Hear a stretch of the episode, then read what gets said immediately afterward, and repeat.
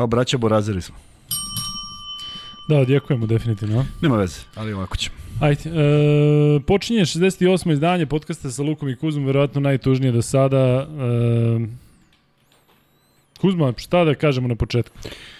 Prvo, valjda je svima jasno da se nismo čuli pred ovaj, pred ovaj podcast, pošto ne bismo došli u istim majicama kod dva kretena. Da, dobro, možda trebalo da prodamo da smo baš teli kao ratničke boje. Možda smo boje. se šunjali, šunjali smo se da nas ne prepoznaju. Da.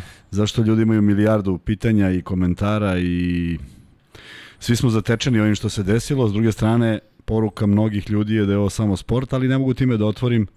To ćemo na kraju da kažemo da život ide dalje, da je ovo samo sport. Svi smo iznenađeni raspletom a, pričati o nekim drugim stvarima i drugim utakmicama o čemu smo zaista imali materijala u prve dve utakmice. Pa čak i u četvrtoj koju ja sad ne znam ko je gledao, jer mislim da su ljudi samo pratili da rezultat bude 94-86 i da se desi nešto najneverovatnije u istoriji sporta. Čekaj, imaju ovde ljudi koji vređaju, posebno ovi bez... bez Ma nema, ne obraćaj bez pažnju. ovoga, Ma ne, ne, ne ali kažem ti, ne znam da li da blokiraš ove koji sad mene krive za poraz. Ma gluposti, pa ne. Ne. Ej, time ću da otvorim ovu emisiju, ovu epizodu. Dakle, to što je Luka rekao, a ja mislio, i verujem velika veliki broj Italijana mislio isto što i Luka, samo to nije nazvao tako i što mi je žao što nismo napravili pol da vidimo šta vi mislite o italijanskoj ekipi u prvih pet utakmica. Ja, napravili smo pol ko će da pobedi. Je li tako? Koliko je bilo? 99? Tako je, tako je, da. Ali ne, ne, napravimo pol, napravimo pol, da li, je, da li se nekome da li je nekom italijanska reprezentacija ostavila utisak i da vidimo šta ljudi kažu. I mislim da ja, ja sam dobio jednu jedinu poruku, čoveka koji je više iz šale, a možda i nije iz šale, rekao ja idem kontra, videće svi da Italija nije kanta i tu smo se izdopisivali i rekao sam javi se kada se sve desi, u smislu kada Italija i ako prođe. I tu bi završio svaku priču. Svaki komentar koji sad bude išao u tom pravcu prosto nećemo razmatrati zato što nema nikakav smisao. E, možda možda ne treba upotrebljavati takve izraze, ali sve što je Italija pokazala u prvih pet utakmica je bilo otprilike tako. Međutim, došla je ta šesta utakmica i sad mi treba da analiziramo jednu utakmicu u kojoj smo se svi složili da igramo najlepšu košarku, u kojima treneri pojedini nisu, gleda, nisu želi da gledaju kako igramo, u kojima Aca Petrović, koji nije baš poznat po nekim sličnim komentarima a, u, pre, u prošlosti govori da igramo kao da je to poezija i tako dalje i tako dalje i možda se sve to malo prenelo na ekipu pa se uljuljkali, ali ono što je Srbija pokazala u pet utakmica nije bilo ni približno onome što smo pokazali u šestoj. Um, da li smo... redom, ajde da... da, pa idemo, da... nema šta redom, krećemo do utakmice. Krećemo... Ne, ali, ali treba pre toga valjda da, da, da kažemo neke, Ma neke šta. druge stvari koje inače imamo... Ajde. Hoćeš humanitarno ono da prođemo? Nećeš? Hoćeš na kraju? Ne, to ćemo, ne, pričamo baš o ovome, zašto su pričam. tenzije velike i zašto su ljudi čekali da se to da se pojemo, neki su lege rekli, rekli da će leći da spavaju, neki, neki čekaju, neki će vjerojatno da izduvaju ovde kod nas, što je sve u redu, ali samo da prekinemo priču oko kante i ne kante i neću, ne, neću čak ni da izgovaram tu reč više. Uh,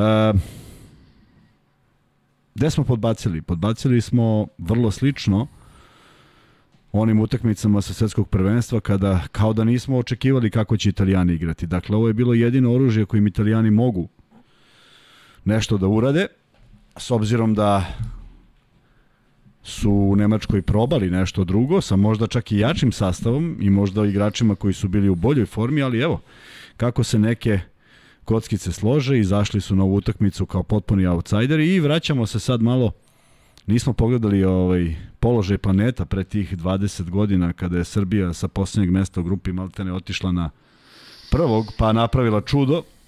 Tako su to, makar u ovoj utakmici, uradili italijani. Možda ima neke veze sa tim položajem, možda nema.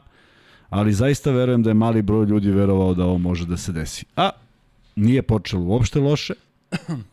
Naprotiv, italijani su poveli prvi put u trećoj četvrtini. Do tada, bez obzira koliko nismo uspeli da se odlepimo, mi smo vodili, što je veliki kvalitet i ne znači dakle da je Italija igrala loše, nego smo mi ipak kontrolisali igru, a onda se sve na neki način ozbiljno raspalo. E sada, Opet ću da zauzem stav i neću biti kao velika većina, ne velika većina, kao mnogo ljudi koji pričaju o ovaj nije imao pojma, onaj nije imao pojma, do juče su imali pojma, do jutra su imali pojma, a onda odjednom nemaju.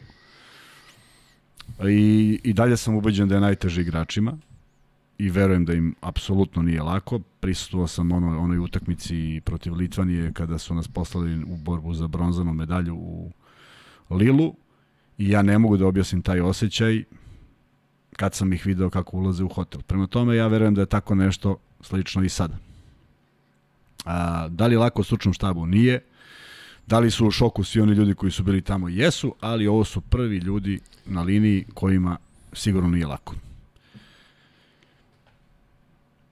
Ne mogu mnogo da odbranim nešto, a to je jedan od 15 trojice naših igrača za tri. Ne mogu da odbranim činjenicu da smo ovde najavili, a i verujem da su tako pripremali utakmicu, da smo ovde najavili da je utakmica za sebe, da ova utakmica nema popravni, da ovde minutaža podeljena ne dolazi u obzir, da ovde moraju da igraju oni koji, onih pet koji prave rezultat i mislim da smo ga na plus 14 ozbiljno napravili. Onda je u jednom trenutku bila jedna petorka koja je bila jako čudna po mom nekom mišljenju, gde smo postali sve samo ne ofanzivna ekipa i Nije mi bilo drago kad je Kuriđa dao onu trojku potpuno sam, zato što Kuriđa nije u ovoj reprezentaciji da rešava takve stvari. Bez obzira što mi je bilo naravno drago da je pogodio i svaki njegov potez mi je izuzetno drag, ali sam vidio da nešto ne valja.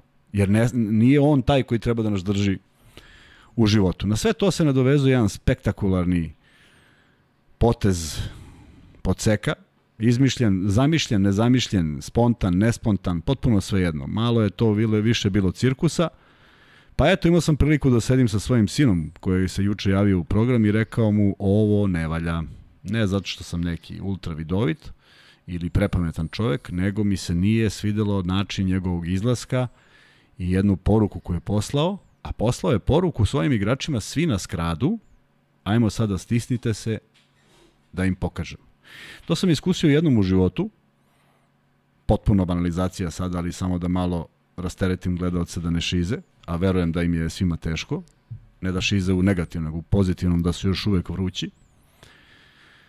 Uh, igrali smo utakmicu u Vršcu, kup, i sastali smo se sa Lovćanom, budućnost Lovćana. Od prvog sekunda, od prvog faula, je bilo hvatanje za glavu svih, svih, znači svi iz Lovćana na čelu sa trenerom Kadijom su se hvatali za glavu. I to je stvorilo takav utisak da smo mi kad smo pobedili Bilo nam je teško što smo bili, jer smo 40 minuta krali Lovćan i oteli im pobedu. E, ovo je nešto vrlo bilo slično tome, na malo višem nivou, sa malo više drame i spektakularnog pozdravljanja sa svima, ali očigledno je donalo željeni rezultat, jer od tog momenta italijani igraju kao da nisu normalni. Gde mi pravimo grešku?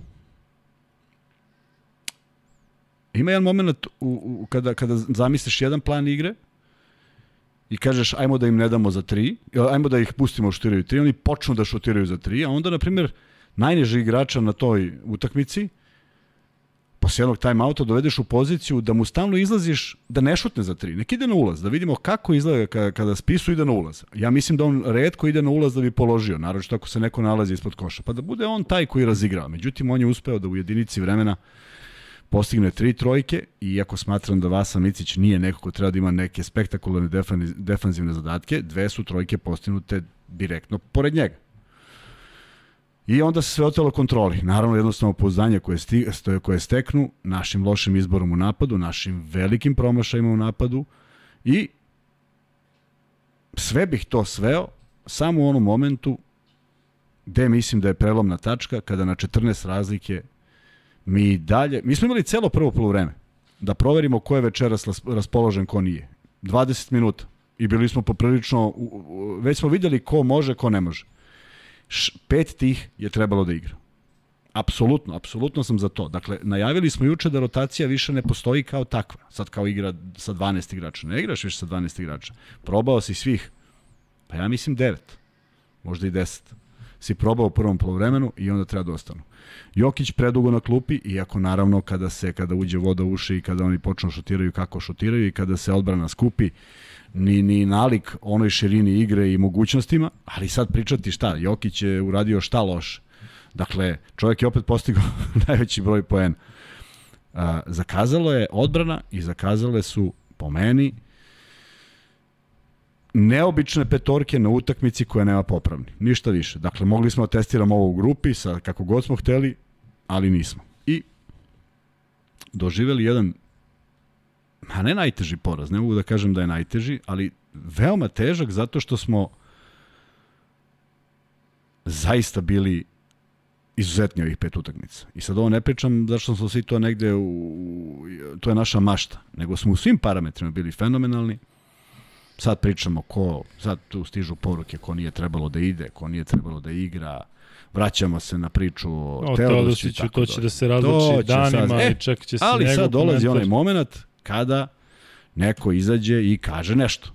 E sad, nažalost, nije prvi put, poslednji put smo isto ispali od iste ekipe, sva krivica je bila bačena na Kokoškova, Kokoškov se nije ni oglasio, dao intervju za jedan portal, ne bih da ga uopšte e, spominjem da li on malo gledan ili mnogo gledan, ali nije jedan od glavnih medija na kojem bi trebalo čuti šta misli selektor, šta je bio problem. E, nismo čuli ni jedan problem za vreme tog predolimpijskog turnira, a onda smo čuli od našeg gosta Dejana Milovića, pa su svi spominjali šta se dešavalo.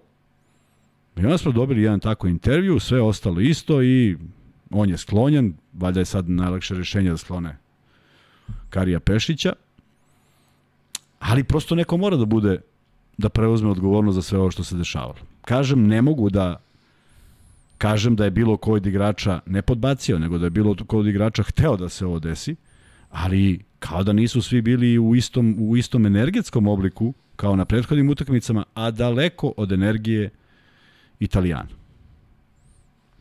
To je neki monolog koji sam zamislio. I jesi ga ostvario do kraja. Pa sad će da mi pada svašta na pamet. Da. A bit će tu i pitanja, verovatno. Biće mnogo pitanja. Uh, vidim da ovde ljudi sada pričaju kako je Italija fantastična ekipa. Uh mhm. -huh kako nije Kante pa da, ekipa, pa da. a ajde sad realno. A to su i pričali i protiv Ukrajine, sigurno. I isti ti su sigurno pričali protiv Ukrajine, da je to jedna fenomenalna ekipa, samo krije sve svoje snage. Dakle, oni su izgledali i da nije bilo Britanije u toj grupi da je neko malo jači bio. Pitanje je kako bi to izgledalo i u toj petoj utakmici. Čekaj, ali na kraju do nas da su oni sjajni ili smo oni su, loši oni su, ili, oni su, ili ide? Oni su, oni su našli ozbiljno dobar napad kako da nas zaboli. Sa Melijem na petici, čovjek koji je otvorio utakmicu, kada uđe... Da, Meli igrao na petici od početka, nije to ništa početka, novo. Ništa novo, otvorio šutovima, onda ne može da bude izmena da Milutinov čuva Melija. Ili da uopšte bude izmena na bilo kom visokom igraču zato što oni neće ući u reket. Nemamo prednost Milutinova, pritom igrali su jako dobru odbranu, nego mi snižavamo petorku, pa je mnogo možda konstruktivnije da igramo sa niskim igračima protiv njega ili preuzimati sve po cenu da Meli prodre i da krene na, na koš. Dakle, mora postoji neka zamisao. Ono što mi ozbiljno smeta, što ni jednog trenutka, a govorio sam o tome da se nadam da postoji, mi nismo imali nikakvu alternativu u odbrani. Apsolutno nikakvu. Mi smo sve igrali isto, oni su to pročitali, mi smo negde žrtvovali šut za tri, protiv ekipe koja je ušla u ritam. Spisu je dao 22 poena u jednom trenutku, ne znam koliko je dao na kraju, a 19 na celom prvenstvu. Dakle, ako stvarno to treba da bude čovjek pored kog, protiv koga ćeš staviti posebnu odbranu, nije. Ne bi je niko normalan stavio, ali kada krene utakmicu i otvori, kao što je otvori, i krene, onda mora nešto da se uradi. Mi smo imali još jedan faul da damo na 3-4 trojke uzasopne koje smo primili. Znam, ne možeš da trčiš, po, ali morali su da zaustave te tačke trčanja po kojima trče italijani. Opet mislim da je utakmica pre svega negde taktički zakazala, I ako se sećaš moje priče uh, za Sašu Đorđevića i Mutu Nikolića u reprezentaciji, kada se protiv Francuza postavlja ona odbrana udvajanja sa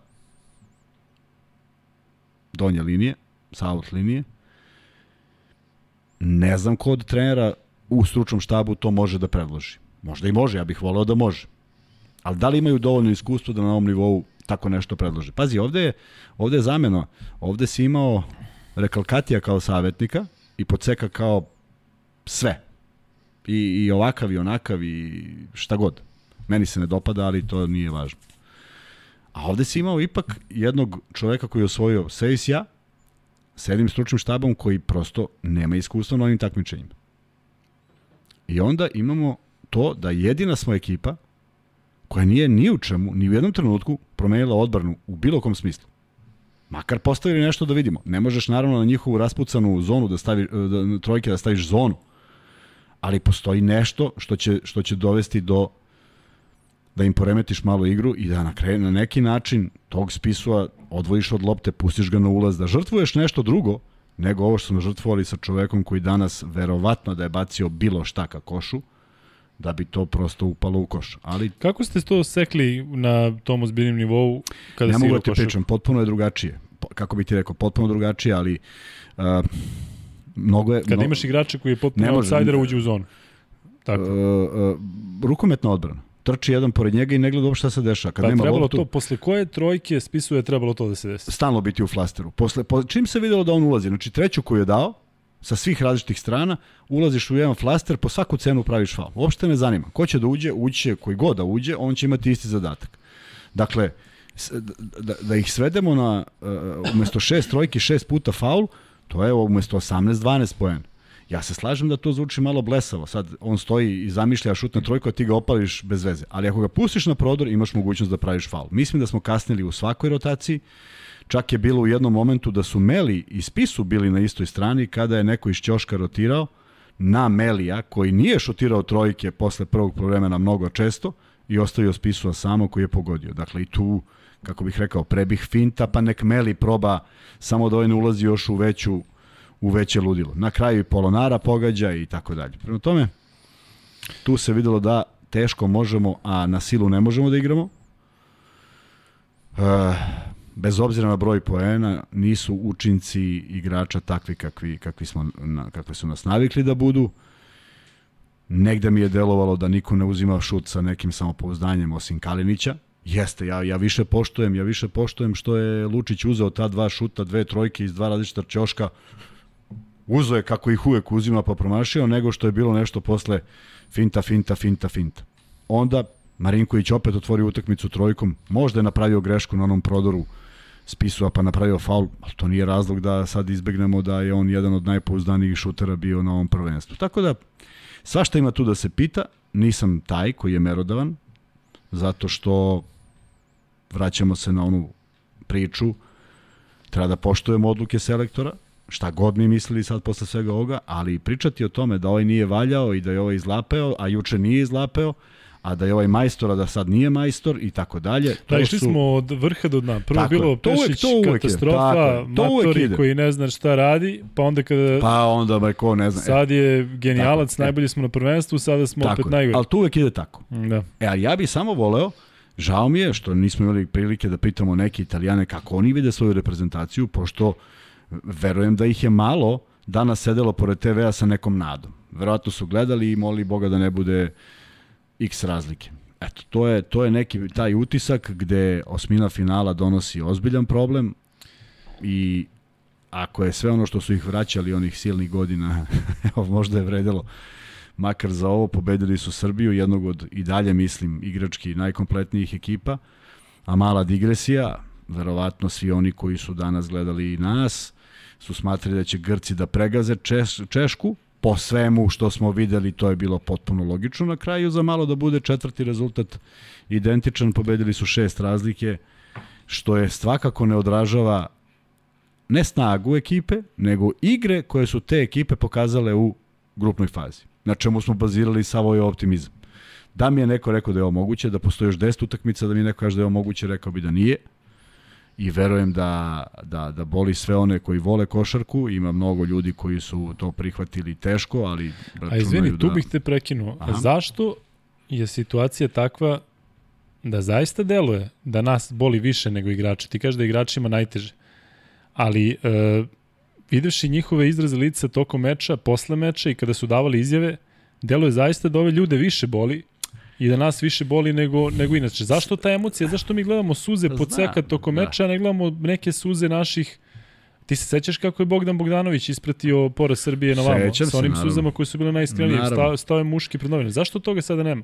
Ne znam. E, Do koga je to? jako je teško odgovoriti na to pitanje, pogotovo što ja ću uvek košarku posmatrati iz ugla igrača. Ne mogu drugačije, ne mogu da posmatram iz ugla menadžmenta. Pa čak ni kad sam bio u Savezu, te sve pobede i poraze nisam posmatrao kao čovek koji iz ima neku funkciju, nego sam naprotiv sve te igrače uvukao da mogu da mi se obrate za bilo šta što im treba, a da ne budemo funkcioner igrač, nego bivši igrač, igrač koji šta ti treba, kako mogu ti pomoći, treba ti donesem nešto da popiješ. Zaista u tom fazonu, zato što mislim da su oni najvažniji, ti ljudi koji proizvode, koliko god oni imali godina, 16, 18 ili 20, ako si ti na toj poziciji da glumiš neko ludilo, vrlo brzo klinci provale i izgubi se sav smisao.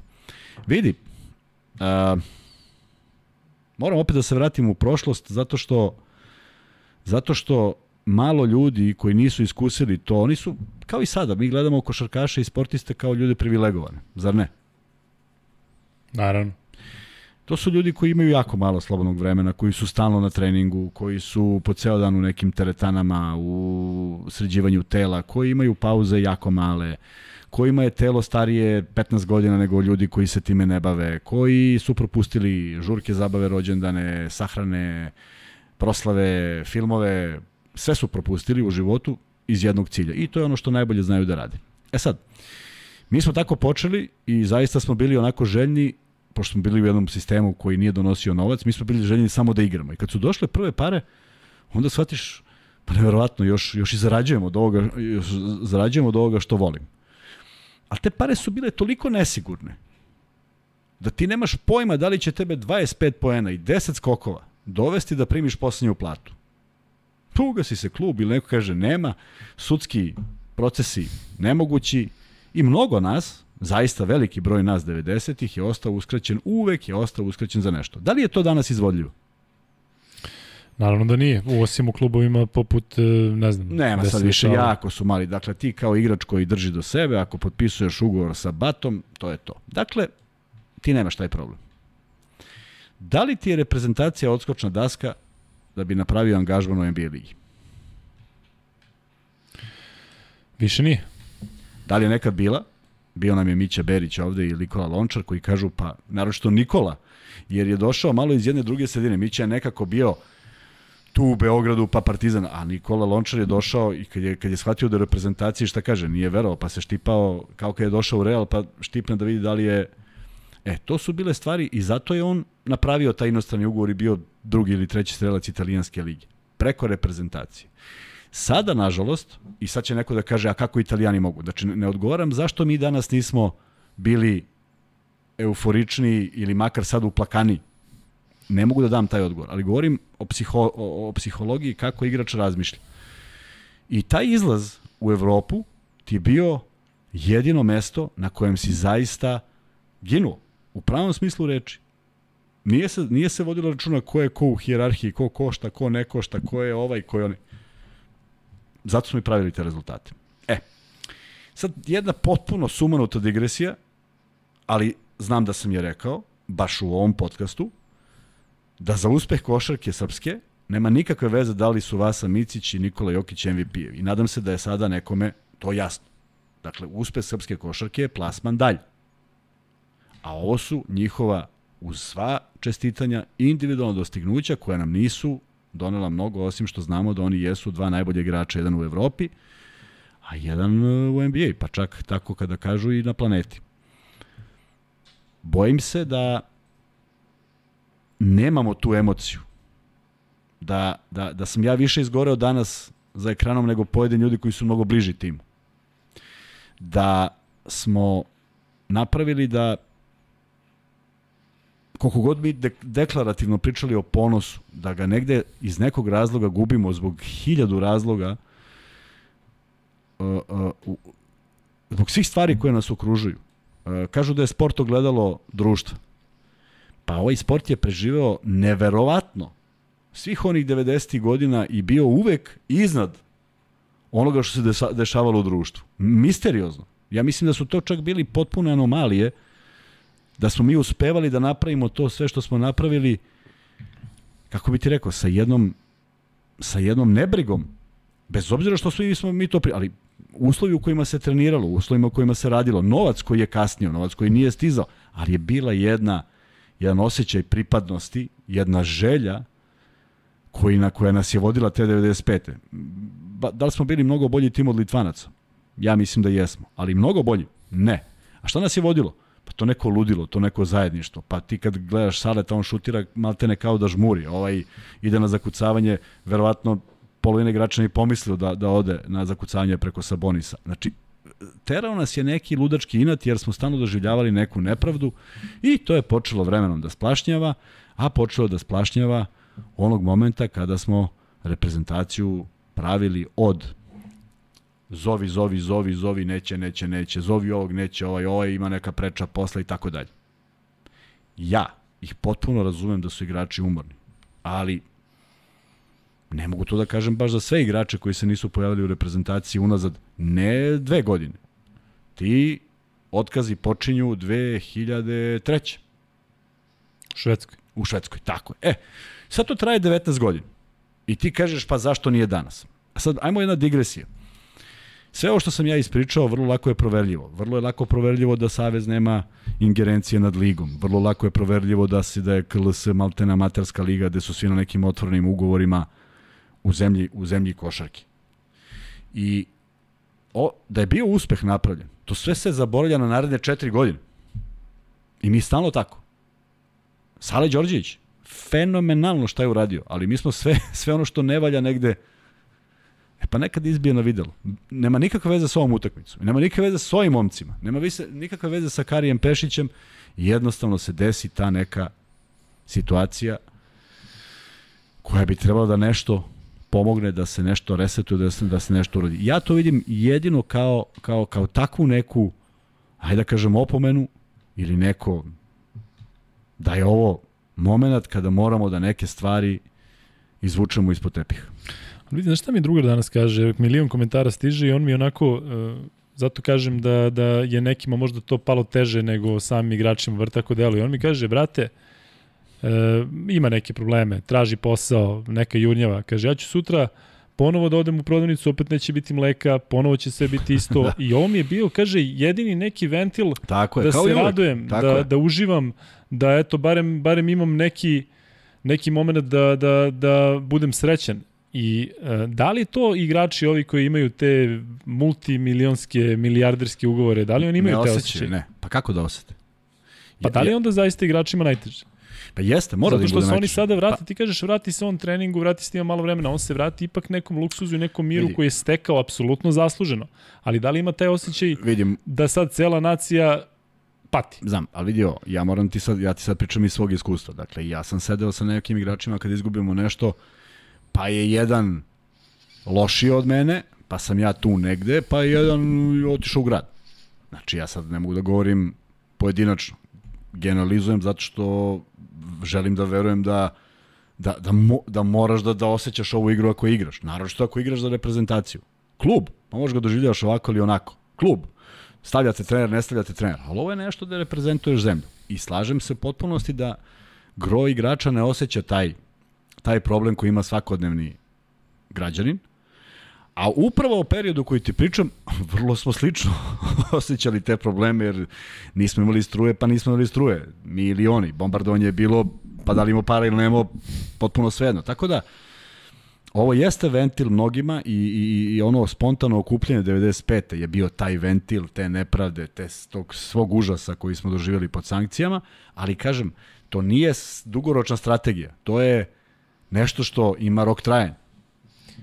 I kad kad počne da se da se troši, više nema sećaš se koliko je puta bilo dočeka, nikad nije bio taj naboj, zato što je to kratak kratak emotivni moment kad ti ekspo, i svu svoju frustraciju opravdanu životom od 92. do 95. pod sankcijama koje niko ne želi da se seti i ovi ti donesu zlato. Pa nema ništa lepše. Ali Kuzma, nije mnogo drugačija situacija od tih. Ljudi govore kako isto 90-ih nije. Ne skidaju se patike, ne, ne, ne se klepke, da. ali opet imaš Teška, rat ovamo, imaš, tako imaš je, potencijalne tako sukobe ovde, imaš potencijalne sankcije, ti kažeš nije bilo struje, opet se preti nekom strujom, nema nekih stvari, dakle, e, socijalno smo prilično ugroženi.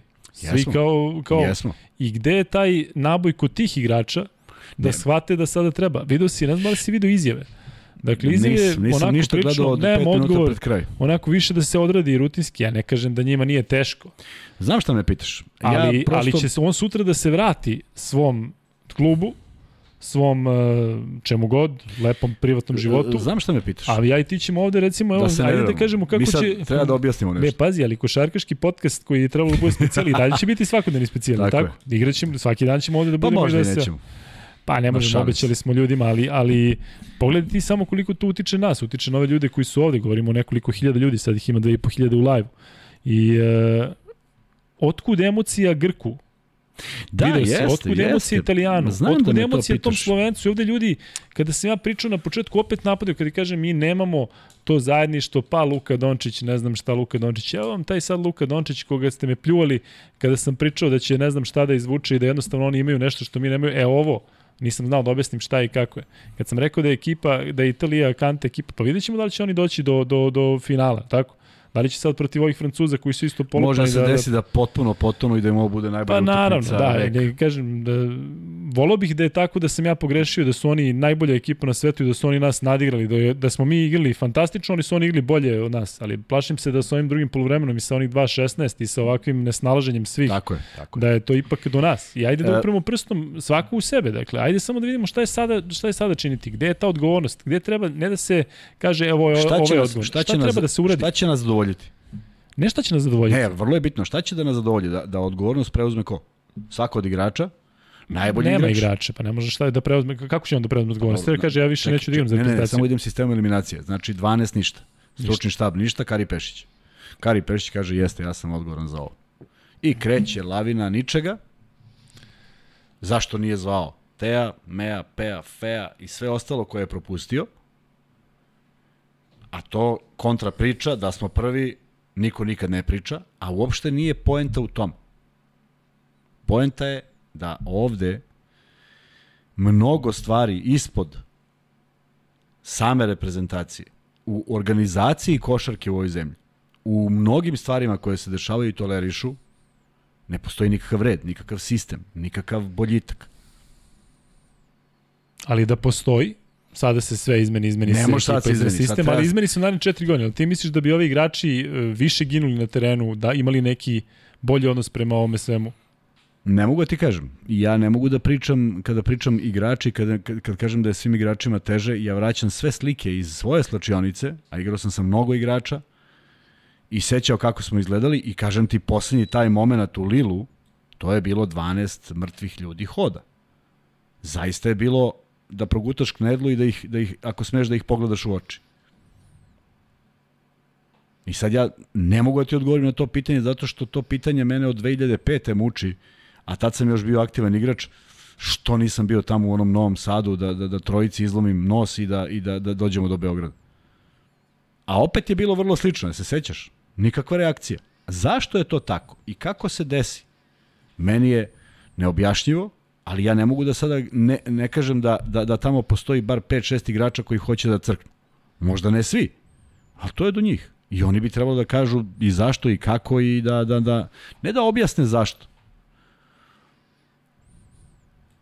U stvari nemam šta ti kažem. Nemam, obično imam šta da kažem, ali sad nemam, ne mogu da, ne mogu da razumem Ne, pa po Da. emocijama smo svi, a i, i da, ali, ali upravo, upravo to, mislim. upravo to, ali, ali e, a, ne mogu da uđem u nečiju glavu, ne mogu da znam šta ga ispunjava. Ja ne mogu ljudima da objasnim da ja do 99. i dolaska u budućnost nisam znao da mi prijamo novac za nas, za, za, za, to što radimo. Ako mi veruješ. Znači, tek kad sam došao u budućnost, jer su tamo ljudi pričali o novcu. U BFC-u niko ništa nije pričao. U Zvezdi smo svi potpisali dovoljno veliki ugovor, niko nije pričao o novcu. Niko nije pričao ni o čemu što stoga, samo smo želeli. I ako neko misli, a mi nismo želeli da pobedimo onaj meš iz Verone, pa naravno da smo želeli. I ako, ja, ako svi ovi koji prate Zvezdu vrate film, onih faca na terenu, pa nema kome da bude teže. Ja iz tog ugla pričam. A ovo si potpuno u pravu. Da je nekome teže, nekome manje teško, neko se vraća u neki uškran život, neko kaže, fu, dobro je, evo te mesec dana giljamo. Možda postoje i takvi. Ja ne želim da, da, da verujem da postoje. Zato što stvarno mislim i vaspitavan sam tako da je to čast. Ne zarada, ne slava, ne ništa. Čast igrati. Daš sve od sebe i 68 si, pa treba prihvatimo da smo uradili sve što smo mogli. Ali mi ovde nismo uradili sve što smo mogli. Apsolutno sam ubeđen da nismo uradili sve što smo mogli. Da šta, bi, šta bi tebe zadovoljilo sad u ovom trenutku? Ništa. Ništa. Mene sad ne, ne zadovoljava ništa. Ali da li bi ostavio sve? Dakle, isti selektor, isti stručni štab, isti, isto, pa ja, iste strukture u Savezu? Mm, mm, opet ću da vratim film na nešto što se nije desilo toliko davno, a opet cela generacija ljudi postoji i već imaju decu, verovatno. Da, tačno. Imaju po 26 godina. Ta Atlanta, u kojoj smo pričali prošli put.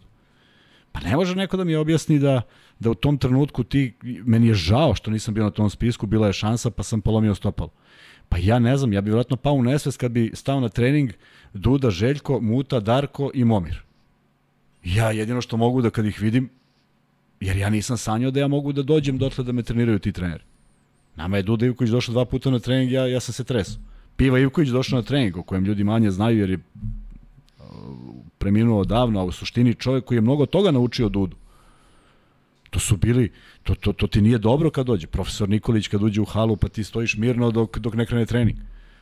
E, to si upijao sve, to si sve slušao. Sad mi nemamo nikakvu sličnu formu toga da su najbolji treneri u, u, u stručnom štabu. Je li tako? Nemamo, imamo čoveka koji bira svoje saradnike. E, i onda je, i onda Igor Kokoškov izabrao dvojicu sa prilično dobrim pedigreom, je li tako? Na koga misliš, na Miloje? Pa Miloje i Vlade Jovanović. Znači, evo ga jedan u NBA, evo ga ovaj u Zvezdi. I tada u tom trenutku, ja mislim da je Vlada bio u Ciboni već. A i ako nije, već je to bio neko ko se kotirao kao trener koji pravi neki rezultat u Srbiji. Dakle, i to mora se vodi računa. Zašto? Što mi, što mi da potrošimo ceo stručni štab kad ode prvi trener? Pa ko to radi? Zašto to neko radi? Možeš delimično, možeš jednog, dva, a ne možeš ceo.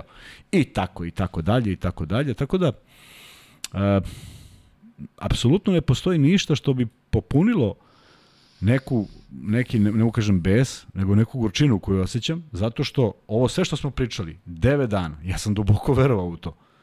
Dakle, Vidio ja... si mene sa mojim izjavama koji, kažem, i dalje sam siguran da smo mi 100 puta bolja tako ekipa od Italije. Ja, ja sam i dalje ubeđen u to. Nismo pričali ovo da bi se da nekom više boli, da. Da bi se nekom svidelo. Ajde ne, ajde da vidimo, ajde da li je zaista tako da su Italijani mnogo bolji tim od nas. Kako Ako dobro izgledamo tako. Ma razvaljamo, kao ratničke boje, pa ovo o čemu pričamo ima veću veću težinu, ali E, ako su Italijani bolji od nas, onda je to veći problem. Veći je problem, jeste. Da, ako Bez su oni obzira. zaista ekipa koja igra besprekorno i, i juče smo ispomenuli da je to fantastičan spoj dobrih individualaca koji mogu da ti napakost.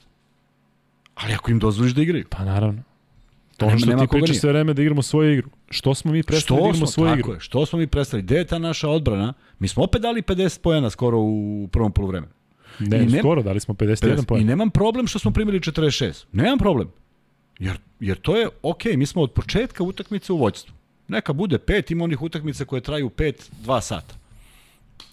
Gde je nestalo to u drugom poluvremenu? Što smo birali rešenja koja nam očigledno ne idu? Što smo dozvolili da oni igraju iz jedine pozicije iz koje mogu da nastignu? Mi 14 razlike prokockamo za jedan minut. A igrali smo mnogo drugačije, mnogo nešto mi nervoznije, a oni treba da stignu 14 razlike.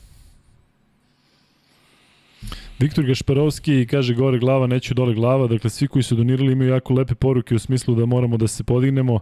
Čira 86 kaže idemo dalje, samo je bio loš dan pojedincima, pozdrav. Tako da ovi koji, koji se javljaju i koji čini mi se da uglavnom doniraju iz inostranstva, očigledno da imaju, da imaju lep odnos u smislu da da ćemo svi preživeti ovo, tako? Ma mi ćemo preživeti ovo, nego je, kažem ti, sve ova, sve ova prvenstva na kojima smo bili, ti znaš koliko je bilo problema, pa fali ovaj, pa nije došao ovaj, pa sećaš se koliko su pričali o, o Birčeviću, pa koliko je ovaj neki tamo bio izvikan, a ti onda praviš rezultat za rezultatom, ali to nije bilo ni, s ni jednog trenutka sa pozicije moje, ovo izgleda fantastično, mi odosmo. A ovo je prvi put posle dugo godina zaista tako izgledalo. Ne zato što smo se mi ljuljkivali, ne mi kao igrali smo protiv nekih indijanaca, nešto smo slučajno dobijali. Igrali smo protiv Češke, samleli, oni igraju danas sa Grcima na šest razlike, 34 minuta egal. Šta god mi misli o toj Češkoj. Znači, sada govorimo o Poljacima i Fincima. Gde, gde njih, o čemu da pričamo? Upravo to. Vidio Iz, si iz naše grupe Vidio si prolazi je bilo. Poljska i, i pričat ćemo i o tim mečima, naravno da. manje. Dakle, ne sad ono... Pa mi smo pokazali jednu neverovatnu moć. Protiv Ali- tih ekipa. Protiv tih ekipa. Ali kada smo bili na prvom izazovu i kada su kola prvi put krenula nizbrdo još od te Italije iste E, pro, ali, ali, ali ta kola nisu smela da krenu nizbrdo. To je ono o čemu pričam. Ta kola su morali da vuku ili da guraju istih pet dok postoje. Dok mogu da stoje i dok imaju četiri penala. E, nije bilo prostora u drugom polovremenu za bilo šta, jer smo već u prvom imali klackalicu, otišli pa se vratili, jel tako? Otišli pa se, pa ako ti za 20 minuta nije bilo jasno kojih to pet treba da iznesu utakmicu, onda prosto, e, sad se ide na varijantu iskustvo, Znaš koliko iskustvo pomogne ako nisi, ako nisi u dobrom raspoloženju ne uzimaš dobre šuteve. Pomogne malo sutra, pomogne da negde izvučeš neki faul, ali u šutu teško možeš da prevariš nekoga i da pogodiš. Tako da, velika praznina, a, ne dramim, nikad nisam ni dramio, izgubilo se i pobedilo se mnogo utakmica, život zaista ide dalje, ali imao sam zaista dobar osjećaj. I pet utakmica sam gledao bez bilo kakvog grča u stomaku. Sve je nekako išlo kako treba. Danas, kad je Poceko napravio onaj cirkus, znači nema mnogo ljudi oko mene, ali bio je Kosta. Jel trebalo da mu se dozvoli da on ide i da se pozdravlja svima? Ne, ne, ali, postoji ali, neko ne, ali, ograničenje ne, ne, da ali sudije čovjek sve dozvoljavaju, sudije sve dozvoljavaju, pa i to. Mislim, vidi, e, e, trebalo je da pričamo i o drugim utakmicama, pa i samo pomenem e, moment, e, jedan od redkih ljudi za kojeg sam ubeđen da nikad u životu ne bi napravio nesportski faul je Kruno Simon. Si vidio onaj faul na pola Da, terena? ona leva noga. On je to instinktivno uradio. Ja čak ne mislim da je namerno. Ali kako to nije nesportski faul? U kom kontekstu to nije nesportski faul? Dakle, sudije ovde dozvoljavaju ili ne dozvoljavaju sve i svašta. Dakle, Ali iskreno volio bih da su sudije krive za sve ovo. ne, nisu, nisu, Ali nisu. ako su italijani e, sa namerom, vidio si kako su vrištali na svaku odluku u prvih šest, 15 sekundi. Tako je. Ako su sa namerom ovo Moguće uspeli da da, jesu. izvedu, Moguće da jesu. jer sam znaš koliko kada ti izbaciš trenera, šta to, šta to Uspeli daje su. ekipi. On Uspeli ljubi čovjek u obraz svakog igrača Svakog. pojedinačno, I svakog u gledalištu i tako svuda. je, i ide i, I onda, onaj, I onda onaj snimak koji je svima simpatičan, a meni nije. Ja mislim da čovjek nije normalan. Kada je skočio Adekotumbu u Zagrlje, jesi vidio to? Ne. Pa Janis izlazi na zagrevanje sa slušalimice i on se zaleti iz hodnika i skoči mu u naruči. U kom trenutku? Kad su već... Kad, e, kad su pobedili. Da. Kada ovi izlaze na teren. Kako bi ti rekao? Možda je to nekom mlađem zabavno. Ja ne znam kako bi reagovao uopšte. Meni deluje da je potpuno iskren i da je Ma. takav frik, da nije A, znam, normalan, ali to su, to su ali pozitivno koje se ne normalno. rade. Dobro, okej. a mi nemamo nikakvu reakciju na našoj klupi, ni približno. Nemamo, nemamo, nažalost nemamo. Mm, Ne, Marko Marinović je otprilike taj tip koji vrišti, ajde, bodri, grli sve, ali on ovde je u ulozi nekoga ko se više ovde bavi, ima, koji ima ovde 3-4 ima, da, faula. ovde ima ozbiljan autoritet iznad sebe i sad možda on ne zna šta sme da kaže ili ne sme da kaže. Ajde malo da uključimo i ovde ljude, znam da ti se to neće dopasti, ali ljudi, Što mislim da najviše, pa pitanje koje ću da postavim, Ajde. a pitanje je da li treba Kari Pešić da ostane selektor. Pa vidi, Ajde, hoćeš da staviš pul? vidi, to su, Aha. To su najlakše, te, stvari se najlakše Da, zato što ovde ljudi, ovde ljudi to, baš me zanima kakav će biti odnos i imaćemo, siguran sam, a, najviše, najviše odgovora.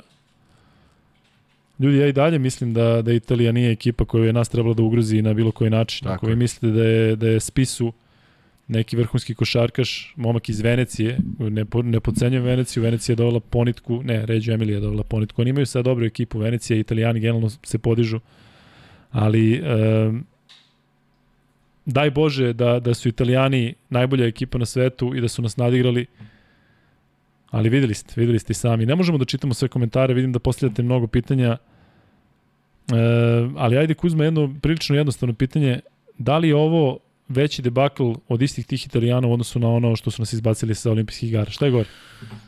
A, Jedna utakmica koja te ne vodi Ne, mislim, igre ili mislim ova? da je ovo. Mislim da je, tamo su bili, tamo su, pa gore ako gledaš što nismo bili na olimpijskim igrama. Da smo otišli pa ne napravili ništa, možda bi to bilo gore od ovoga sada. Ali ta utakmica jeste nešto što je bilo u van, vanrednim okolnostima i pogodilo se da smo stvarno imali mnogo povređenih igrača i da je sve išlo bez veze i, i da su nas savladali što je najgore na domaćem terenu. Ali nismo imali taj pristup utakmici, nismo imali taj, taj osjećaj da mi možemo baš italijane da pregazimo kakav sam sad imao. Oni, i sad i dalje, sad idu polemike i pišu, pišu ljudi vrlo kulturno i fino i kažu da su italijani bolji tim. Ja samo hoću da mi se javi neko od juče i da mi kaže da italijani imaju bolji tim. Ne da su bolje odigrali, nego da mi kaže neko da mi juče rekao, ej, lupetate u onom podcastu već devet puta, Italijani imaju bolji tim. I potpiše se imenom i prezimenom, ja mislim da takvih ima dva. Pa jedan, je, da ima jedan je Gianluca iz Rima, a drugi je Fredo sa Sicilije. E, to su dvojica koji su verovali u ovo što o čemu pričam. Prema tome, imali su dan, pogodili su sve, dali smo im da pogode sve, imali smo Jokića na terenu 28 minuta i plus 11, otprilike, i imali smo Jokića van terena 12 minuta i minus x. E sad, da li mi sad treba kao da budemo srećni da ne pričamo da je Jokić bitan za našu igru, da sam se ja pitao igra bi 40 minuta, dok ne padne u nesvest. Jer je ovo finale. Pa zar nije onda pravo reći da je selektor danas pogrešio? Jeste pravo, ja i o tome pričam. Trebalo je da igra sa timom, koji, sa petorkom, koja može da iznese pritisak utakmice šta god. I nije, i sad se ovo desilo, pa treba da ga podržimo. Ko da ga podrži? Ne, Svi prvo treba, zajedno. prvo, ne, on prvo treba da se, da se oglasi. Po, po bilo kom pitanju. Da kaže nešto. Pre nego što bi mi bilo šta kažemo. Da čujemo šta čovjek ima da kaže. Šta god to bilo. Dobro, ali on svejedno neće, ne, ne verujem da je Jokić bio povređen. Danas je bila priča Finska-Hrvatska, zašto igra Zubac 3 minuta i javio se kolega iz Hrvatske u studiju i kaže čovjek je povređen, ne može da igra. Ne, ovde Kod ništa nije bio slučaj, ali ne znam tako. šta bi on mogao da kaže, pa da ti kažeš, e, stvarno je u pravu, možda nije trebalo da igra ta petorka. Dakle, ne znam kako bi uspeo da opravda ovo što nam je svima jasno, da Jokić mora da igra 40 minuta. Tako da ga čujem. Nije, nema možda ima neki Jel bi razlog. nam bilo lakše? Ne. Ne, ovo sada dođe s- ne znam ko i da kaže nešto najsmislenije, imaćemo 2500 ljudi koji, koji žele da, da, da, da, da, da izduvaju. Prema tome, nema tu neke utehe i samo iz jednog razloga, što smo bili pakleno dobri. Da smo mi prolazili krljavo, pa znaš kojom bi mi rezervom uzeli ovu utakmicu? Pa makar se mi ne bi uh, primili da je to moguće. Mislim, rekli bi, ajde, postoje šanse. I ja znam da postoje šanse. Dakle, ja nisam ovde izašao i rekao 95-5 u korist Srbije. Ali po svemu što smo videli, da mi ispustimo utakmicu tako, ja razumem da su nas nagazili italijani, pa mi u kontraritmu od početka, pa sudija, vidio si sudija otvorio utakmicu faula Jokića. Ja rekao, gledaj sad ovo kad budu tri, od, od, od, odmah problem. Još Italijan Žvaljevi koji meni dalje nervira, on se buni, a vidio si prvi faul koji 50 sekund. 50 sekund, jest. I sad on na prvu loptu skače prvu, Meli, da, da, jao da, i da, da, da. kako nije, E, bilo I tu sam mislio da će biti cirkus. Ali izvini, bio- ali, ali oni opet su imali tu emociju. Što nismo mi imali tu emociju? Što Jokić na onaj prvi faul nije imao nešto? Da kaže, ej, čekaj, stani, ne mora da ide da psuje, vidi. ne mora Kodončić da psuje majku, ne mora Znam, da ne znam šta, vidi, čekaj, daj do smo- znanja da ti smeta. A, znaš kako, i nas je tih pet utakmica malo uljuljkalo, lepo se osjeća čovjek, kad niko ne može Da. da. dodirne. Pa što bi ti sad raspravljao s njim, što je negde i u redu. Ali mislim da smo taktički potpuno pogrešno odigrali, da varijanta sa jednim playmakerom, nažalost, nije prošla. E, koliko god se meni Jaramaz i dopadao, ja mislim da je ovo njemu najveće takmičenje, na kojem je osjećao sigurno pritisak. E, I Gudurić je morao da pritisak kad se uđe u osminu finala, jer ta svaka izgubljena lopta nije popravni. U grupi je svaka izgubljena lopta popravni. Je li tako? Ba, izgubiš pet, pa ne veze, pobede jednu, ti imaš 4-1, baš te briga. A ovde je svaka izgubljena lopta ozbiljan problem, pa još kad te ne krene, pa još kad nemaš rešenje. Ne Jokić imao veću minutažu u nekim mečima u grupi. Pa zato kažem, pa ne, on, nije, on Prosto prosto, on, on u momentu kada mi vodimo i kada treba da ostane na parketu, on ne treba da izađe. Naročito, ne da bude zamenjen Milutinovim, kojeg ja obožavam, ali u ovoj petorci nema šta da radi. Jer Meli nije ulazi u reket. Osim kad je bio snižim. Kad je snižim, paf, pa neki ide na, neki ide na out. Ali on to izbegavao i to jako dobro izbegavao. I pročitali su nas i mi nismo napravili nikakvu alternativu u odbrani. A čak i najbanalnije preuzimanje je bolje nego ovo što smo igrali koliko je puta spisu ostao sam. Šta ovo znači sada za ovaj prozor? za prozor koji je za... Sad će bude koliko- panika. Sad će bude panika prvo da vidimo reakciju Saveza. Ajde ovako. Ja se plašim da neće biti ničeg. Pazi ovako. Kari ostaje selektor. Dobro. Imaš veliki broj ljudi koji je protiv toga već u startu. A to bi bilo najgore rešenje u suštini. Jer sad ko je taj koji uzima vruć krompir da vodi ekipu u novembru? Evo ja kažem. Ko? Da se... Evo Evo, ti kažeš. Pa i sad. 2019. godine Srbija igra četvrt finale svetskog prvenstva i gubi meč od Argentine, je li tako? I Srbija na tom svetskom prvenstvu u Kini dolazi do petog mesta tako što pobedi Ameriku i mi smo peti. Tako je. I to je neuspeh. Tako je. Smenjuje se selektor. Tako je. Sada smo izgubili u smini finala evropskog prvenstva Jeste. od Italije. Jeste. Da li je princip isti? Jeste, ali šta donosi? Ne donosi ni onaj. Pa nije nam donalo ništa e, tada. vidi, vidi, ne, tamo, tamo Vratiš mislim, Saleta Đorđević, Tamo volim- moliš ga i kažeš vidi, mi smo s tom imali, pa ovaj dečko ovdje koji je bio Stefan Jović je pričao o tome. Šta taj čovjek radi u slačionici? ok, ali mu Uz daješ... dužno poštovanje, ja ne znam da li Pešić, šta, šta, na poluvremenu ne, znamo, znam šta se znam, dešavalo ne u znam, njihovoj našoj da pitamo. Da, i niko nam neće reći. Ali ako smo sa Saletom Đorđevićem imali finale olimpijskih igara, finale svetskog prvenstva, izgubili i jedno i drugo od Amerikanaca, izgubili od Slovenije evropsko prvenstvo, zašto smo isto bili da je neuspeh. Pa čekaj, sad kad smo nivici da se ne plasiramo na svetsko prvenstvo, odnosno bili smo ovako, kako se sada izmenila situacija sa istima... Ma nije se istima- izmenila. Ne, ali sad je kriterijum kao, pa dobro, ajde, sad ćemo da, ne da kažem, izguramo. otkud mi znamo da je kriterijum taj? Ja kažem šta je, šta je, ja, ja nisam Ne bio... ti, ne ti, nego nekako u javnosti sad Kari Pešić je legenda i mi ćemo sada da... Ne, po, ovo ako, je... ako, ako se rukovode istim principom, istim principom, ode. Ali šta se dobija? Uh, ja mislim da je Sale, moje mišljenje, nisam nikada razgovarao s njim na tu temu, jednog dana ako bude bilo prilike, pitaćemo ga. Ja mislim da je Sale želeo da završi ciklus triumfalno na tom svetskom prvenstvu. Da, on je čak u jednom intervju i pre prvenstva rekao kada ko tako? posle Evo, ja nisam posle to mene. ispratio, tako? Tako e, je, jeste. I ja mislim da je on tu odluku doneo. Sa petim ili sa prvim mestom, ja mislim da bi on išao na tu varijantu. Da je to bio jedan ozbiljno dugačak ciklus, je li tako? 2014. 2019. 2019. Pet godina. Još I on je druga preoz 2013. tako je. I druga stvar, koja je vrlo bitna, je njegova želja da radi u klubu, koja je donosila i njemu probleme, privatno, u stvari kao trenera kluba, i klubu koji trenira, i reprezentaciji koju treba da vodi, pa je to onda neki drugi bio pomoćnik koji je sve to, ali ajde to manje više u reprezentaciji pokriće neko. Ali to su ozbiljni troškovi, mentalni, stresovi, šta god. I mislim da mu je bilo puna kapa i da je on doneo odluku da šta god Srbija uradila na tom svetskom prvenstvu da će se on povući. Tako da to što je on dao, ja mislim da ga nije Savez oterao. Se slažeš? Ja mislim da je on to dao ostavku. Jeste, ali zar nije posao Saveza da kaže čekaj, stani. Ne znamo. Upravo to pričamo. Netransparentnost Saveza, hiljadugodišnja, je zamisli da samo tog, kad se to igralo? U avgustu? Kad se igralo? U septembru? Avgust. Tako, nema kada. Avgust 2019. je li tako? I sutradan u novinama pozvao si konferenciju za štampu, došli Luka i Kuzma i ovi kažu, evo danas su, sad su u toku pregovori sa selektorom, molimo ga da ostane i mi želimo, učinit ćemo sve da ispunimo njegov, pa ti onda znaš šta je bilo. Otkud mi znamo da li je bilo razgovor? Ko je ikad napisao da li je bilo razgovor? Ko se ikad bavio o tom temu?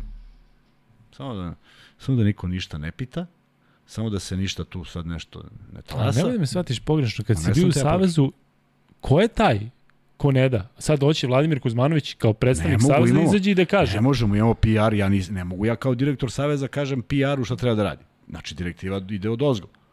Ali smenjivali su se ljudi na čelu Saveza, tako? Šta se? Smenji, smenjivali su se ljudi na Da, čelu Saveza i jeste. nije se menjao odnos. Nije, nije se menja, nije se menja. Pa ko je ta siva eminencija Ne, koja ne, ne, kaže ne, nemoj? prosto ne menja se. Ne, ne menja se, nije, ne, ne menja se, takav je stav. Kogo dođe on low profile, znači samo da tu Zašto nikad javnost nije čula sedam 16-godišnjaka koji su otkazali reprezentaciju? Dobro, ali to iskreno javnost ni ne zanima. Ljudi, znaš da... A znaš da- zašto zanima? Znaš zašto zanima? Zašto? Zato što će nekom tom, ovom koji sad umire od poraza, kad bude pročito da je taj pozvan, pitaće se zašto je pozvan. Odbio je sa 16 godina, što ga zovemo? I stvorit će se loša klima oko tog nekoga koji je već odbio. A kad jednom odbiješ, veruj mi, ej, nekoliko puta se dešavalo da isti igrači odbijaju. I prosto ne želiš ga u reprezentaciji. Daš nekom detetu koje je kvalitetnije mesto. Što da ne budu obeleženi? Što da se ne zna? Sa 16 godina, Luka, ej, on ima neke važnije stvari nego da ide na U16. Ja to ne mogu da razumem. I žao mi je što nikad nije bilo priče o tome. Ali su obeleženi svi treneri koji nisu napravili uspeh na tim prvenstvima, iako se nije znalo da ovi nisu bili tu. Ali ko? Ko ih je obeležio? Pa i- mediji. Mediji. Zbog netransparentnosti zaveza. Tako je, jer gledaj ovo, mediji dođe i kaže Luka nije napravio uspeh. Sad ne možeš ti post festum, dođeš i kažeš pa znaš ko mi nije bio? On kaže šta me briga što nije bio, što nisi rekao odmah. E to je to. Ali Kuzma, da si ti izašao sa informacijom pred neki mediji i rekao to, to, to i to, ko bi tebe zvao sutra? I rekao, e, nisi smeo to da radiš ili sve. Je to jedan jedini čovjek ili to sedi nekih deset mudraca za koje mi ne znamo ili znamo, Nema pa deset nam, mudraca, bre. To je... ali bi ti, i, ti bi snosio sankcije da si ti na da, svoju da, ruku da, izašao da, i rekao, da, e, da. ovo ne valja, Mi ovo se ne valja. u dogovorimo da nećemo to da saopštavamo i nećemo. Šta sad ti radiš? I to se baš do, na nekom sastanku se saopšti, je, nećemo Tako je. I sad Ja- verovatno neko sedi i kaže, ajde, da, se malo slegne. malo se slegne. Pa da, verovatno. Pretpostavljam. Zato što nije bilo sada, ti govoriš o otkazima, ja ne pamtim da je neki igrač otkazao. Ja Ne, ne, znam, ne, ja znam govorim da, ti. Ne, ali sad je potpuno drugačija situacija ono što smo imali godinama. Ti se sećaš da je, da je bilo sad neće da igra ovaj, pa ovaj nema, pa se ovaj oženio, pa O, ne znam da, šta. o, ali zato- sad prvi put je. je. trener bio taj koji kaže ti ne možeš, ti ne možeš. Tako je, sad smo bili, 50. po prvi put smo bili baš zato tog osjećaja. Ej bre, čoveče, svi su tu. Svi koje smo zvali. Otuda ovaj naš osjećaj dobrosti. I da, mi ćemo smo- mi daleko smo pričali o tome koji nisu Da. na spisku, a ne onima Da, koji nisu da, na spisku da, što nisu da, hteli, da, nego da, nisu da, na spisku da. što ih nije zvao. Da, ali, ali vidiš, na, u nekom momentu se sve to nekako stigne na naplatu. I to bude ovaj, ovaj potpuno mo- moment koji ne odgovara svemu tome. Ni atmosferi, ni našoj igri, ni činjenici da su odazvali svi, ne odgovara. Ali ne može nešto da prođe tek tako. Jer bojim se da bi prošlo i nikad se više ne bi pričalo o tome. A i neće se pričati, vidjet ćeš za vrlo, vrlo kratko vreme. Da vidimo Vanja samo rezultate ovog eh, prvog Šta je bio pol? pola. Pol je bio da li Pešić treba da ostane na poziciji selektora. Šta, šta očekuješ? Kako? Očekujem da, Preko 1000 ljudi je glasalo. očekujem da 80% kaže ne. A, 52% ne, 47% da. Moram priznati da sam očekivao više za ne. Pa eto, ja sam Pa i rekao. sad ovo pitanje. E, Pošto ovde ljudi hvale Kuzmu sa pravom. Da li Kuzma treba da se vrati u savez? To je sad evo čovjek sad ovde rekao. Ne smiješ da, da to snema. A, ne znam, ovo idu komentari. Ne, ne, ne, komentara. prvo ovako, vidi, mi imamo, mi imamo našu Evo, publiku. evo, piše od Luka daj pul Kuzmu za ne, predsednika ne, ne, KSS. ma jo, ma gluposti. Evo, vidite kako je Kuzma, kako je Kuzma Ljudi. skroman. Prvo, uh, da ti kažem, ljudi imaju jedan stav prema nama da pričamo srpskim, da nas svi razumeju, da ne uvijamo, jer nemamo nikoga iznad ko Ma, ne, može ne, to. ne. Ima druga stvar. Bez problema odgovaram na svaku poruku koju stigne i to ljudima očigledno prija, zato što ih ne tretiram kao neke tamo, nego nego vrlo bitne ljude da bi mi ovaj posao razvili i da bi uživali u ovome. Zin kaže Kuzma za selektora, pomoćnici Luka i Vanja.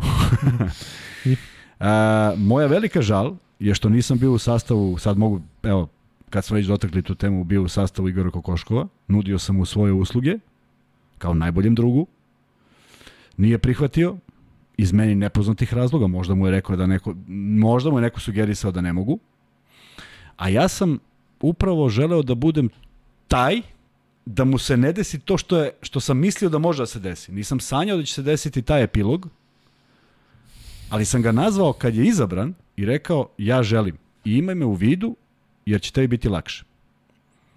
I napisao sam jednu divnu poruku koja je imala jednu rečenicu koja je glasila pitam te da zato što ne želim da ostane nedorečeno pa za 30 godina kad četamo Tašmajdanom ti kažeš kako nikad nismo radili zajedno.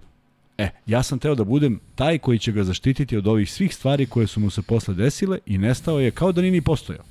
Jedan od najboljih trenera koji imamo. Ja i dalje tvrdim. Znači, mi pričamo o Miluju, pričamo o Peri Božiću, pričamo, pričamo o Igoru Kokoškovu koji je nivo iznad svih pomoćnih trenera.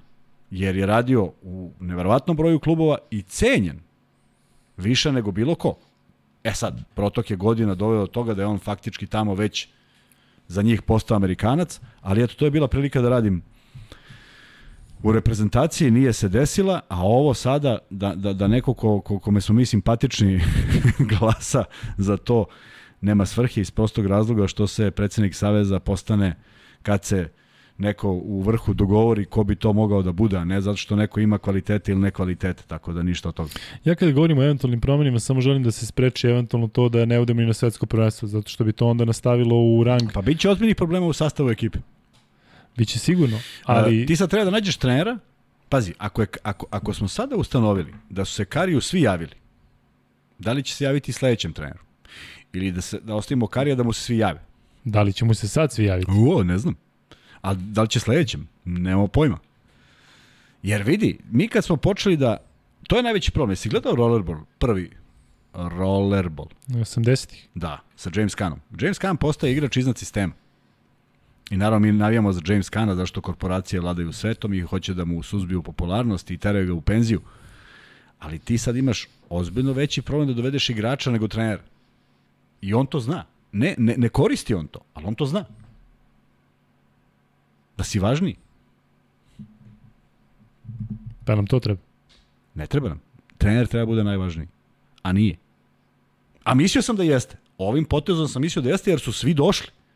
Znači napokon smo mogli da odahnemo i kažemo ho, evo ga čovjek koji je okupio sve.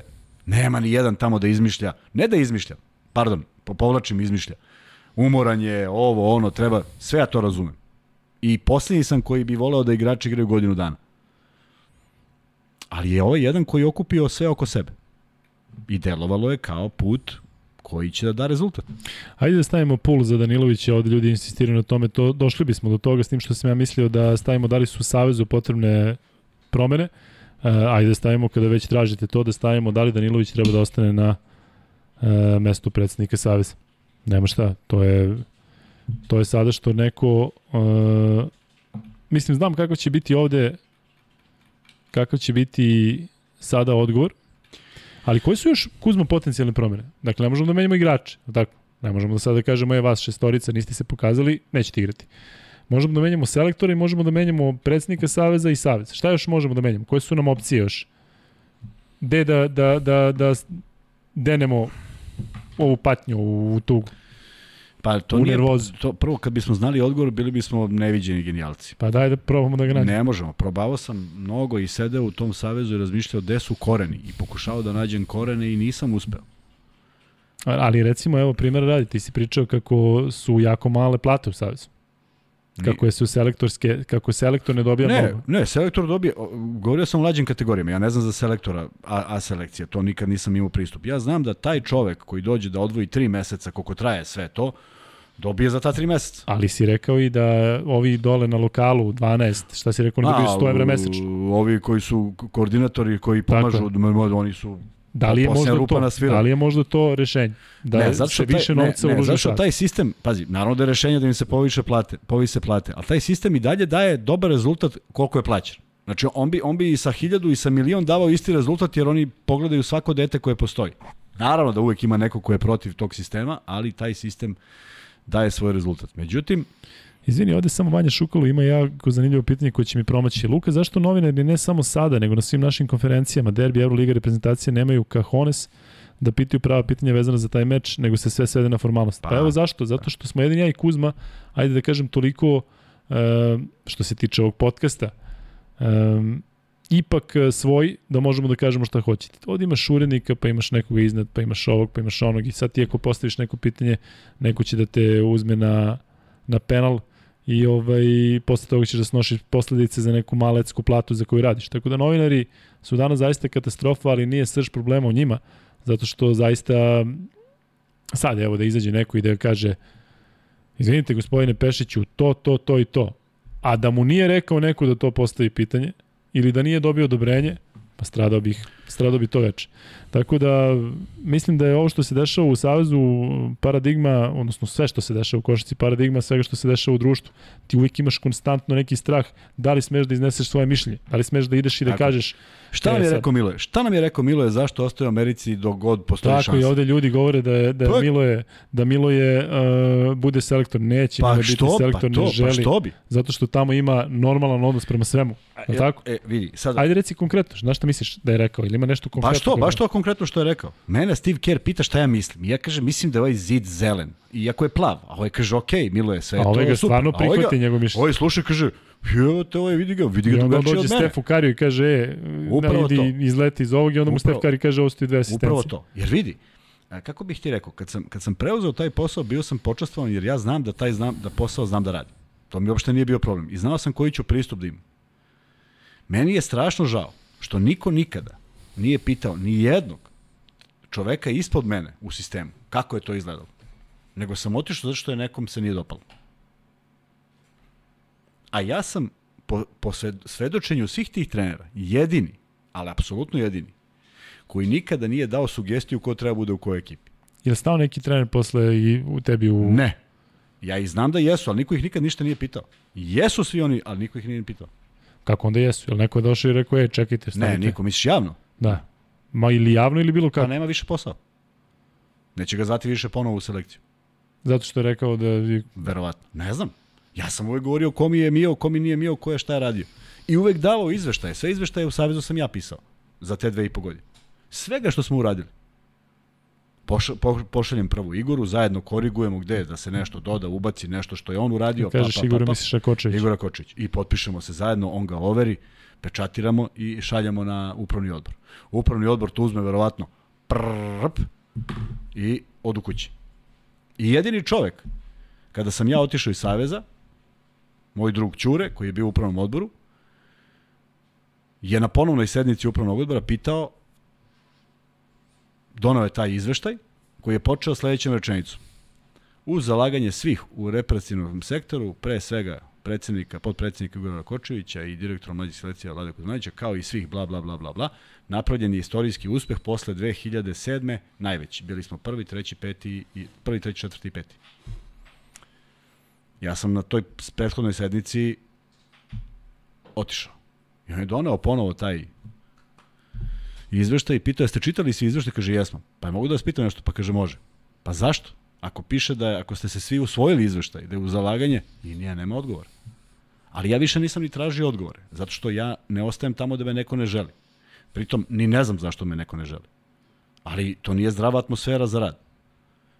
Dve i po godine, koga god da pitaju, apsolutno, nema šta loše da kaže. Samo može da kaže da je uživao u organizaciji, u ispunjenim uslovima za trening, u deci koja su bila, u svemu što smo uradili da privučemo svako ono dete koje je imalo da li ide kod bake na selo ili da dođe na repre, u reprezentaciju. Ja ne znam šta više možemo da uradimo. Jedino smo uvijek da tučemo i da ga do, dovučemo.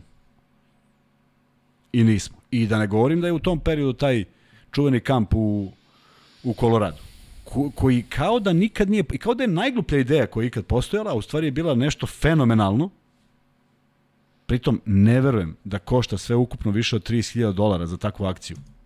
Ne verujem.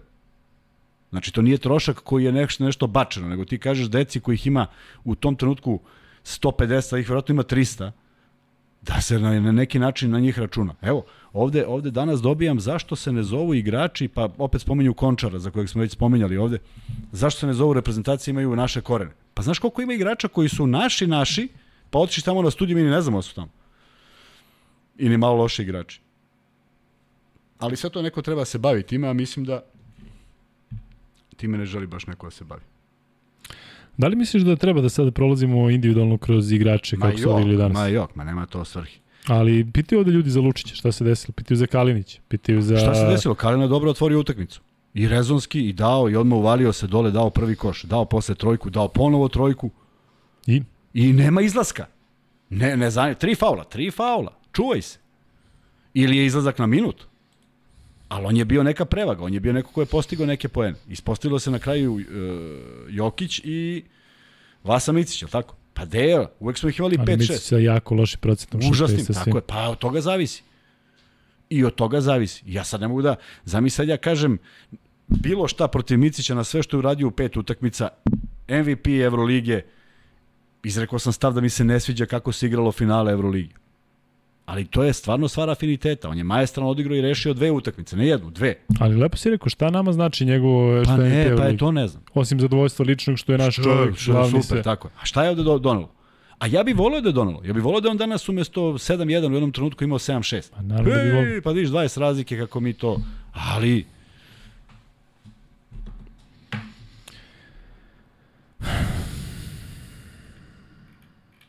Šta kažu ljudi na, na ovaj Instagram? Nemam pojma. Šta gledaš, gledaš nešto privatno? Pa gledam nešto, šalju ljudi. Svašta nešto, fini ljudi. Ajde da, da ovaj, zatvorimo ovaj polovanje. Koliko?